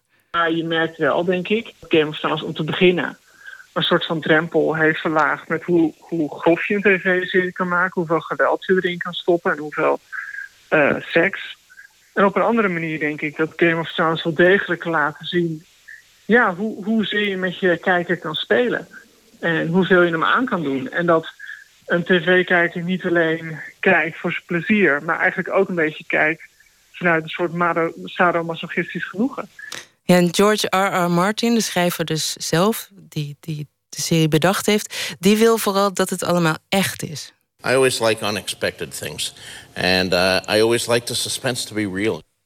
Ja, en om het dan af te sluiten zou ik toch willen zeggen dat op een rare manier, dit, dit is een hele onrealistische serie met draken en, eh, en uh, magie en zo, maar dat het toch ergens ook heel realistisch is, omdat in deze serie mensen doodgaan uh, waarvan je het niet wil. Het zijn altijd de good guys die doodgaan. En dat is in het echte leven ook. Dat, dat is bijna altijd onrechtvaardig. En dat nadert deze serie eigenlijk totaal vreemd genoeg. En misschien wel een hele nieuwe manier van tv maken, al met al. En Nicolaou, dankjewel.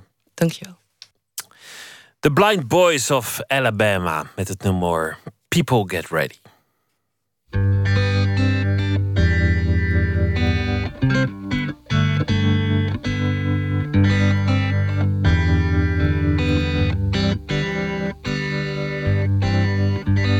People get ready, there's a train a coming. You don't need no baggage, you just get on board. All you need is faith to hear the diesels humming. You don't need no ticket, you just thank the Lord.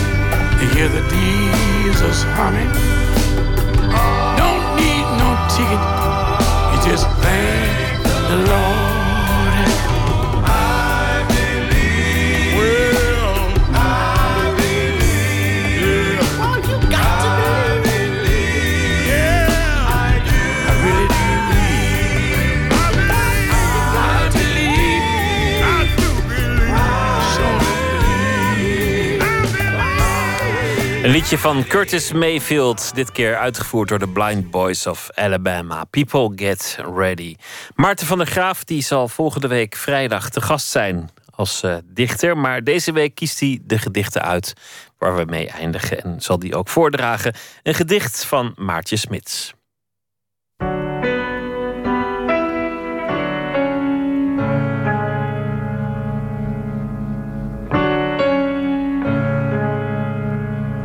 Het gedicht uh, waar we vandaag naar gaan luisteren komt uit een geweldige bundel met de aantrekkelijke titel Als je een meisje bent van Maartje Smits. Het is een gebruiksaanwijzing, lezen we achterop, voor meisjes M/V. Uit het titelgedicht van deze bundel lees ik een aantal korte fragmenten. In dat gedicht bevinden we ons in een soort toxische wereld van traineeships en de grote orgasmefabriek die het internet is, kunst, verval en het bikini klaarmaken van het enige wat we op deze wereld echt zouden moeten bezitten, ons lijf. 5. Onontkoombaar. De bidspringhaan, het mannetje dat pas kan klaarkomen als zijn kop eraf is gebeten, het vrouwtje van wie onduidelijk is of ze ooit tot een hoogtepunt is gekomen. 6. Voortplanting. Niet over beginnen. Zelfbevrediging. Wattenstaafjes. Tandenstokers. Flossen. Het eufemisme van hygiënische doekjes. 7. Ouder worden. Merken dat je langer dan gepast naar puberjongens kijkt. Plaats jezelf onder hen. De trap opschommelen, kinderbillen in boxers, ruggen zonder schaamhaar. Klim. Wees een vrouw in managementfunctie, maar altijd een meisje. Sproei, fourageer gronden vernevel je. Traineeships, stageplekken, functioneer in poeltjes vochtig dralen met opbeurende katrolletjes oogstorders, oogst, topless expressionisme. Jong, spier, jong, zaad. Onder de veertig heeft aselecte paring de voorkeur. 8. Terzijde. Als je het niet meer weet, zei Dick, mijn docent, schilder dan een meisje. Dat vindt iedereen altijd mooi. 9. Violenland. Je lijf bikini klaarmaken. Acht methodes getest met celebs. Voor ronde billen, een complete reset. Ik heb de ambitie van een Unox-meisje. In maart. Maar fuck Violenland, Martijn. We weten allebei dat het niet echt bestaat. Maagden sterven van verveling. Een hemelse orgie in POV vastgelegd. Onder het logo van de mediaafdeling van Al-Qaeda gaat een fake orgasme viraal. Legitimate rape en de eeuwige belofte van het hoogtepunt drijft tenslotte zichzelf af. 10. Interne memo. In hyperresolutie van de gentle seksen ook vrouwen worden kaal. Een bushalte en het uitkammen van shampoo-resten. Vingers, vakantie, verveling. Ik ben moe en word bekeken. Zweedruppels achterlangs mijn kleibenen. Een man die rochelend zijn ogen aftrekt. Sporen steelt vocht dat de randjes van mijn sokken aantikt. Enkel kousjes die nooit rijgen. Niet stiekem strijken met je fucking vieze ogen. Dit is het openbaar. Een plek waar iedereen mag komen, maar niemand geraakt. Maartje Smits, de delen 5 tot en met 10 van Als je een meisje bent. Voorgelezen en uitgekozen door Maarten van der Graaf. Morgen in Nooit meer slapen komt harpist Remy van Kesteren langs. Volgende week krijgt hij van minister Jet Bussemaker... althans uit haar handen de Nederlandse Muziekprijs. De hoogste onderscheiding die je kunt krijgen als klassiek muzikus in Nederland. Althans van het ministerie van OC OCW. Striptekenaar Jeroen de Leijer vertelt over zijn nieuwe stripboek... Wij willen Eefje Wentelteefje en nog heel veel andere dingen. Dat allemaal morgen in Nooit meer slapen. Wens ik u voor nu een hele goede nacht. Morgen een leuke dag en graag weer tot morgen.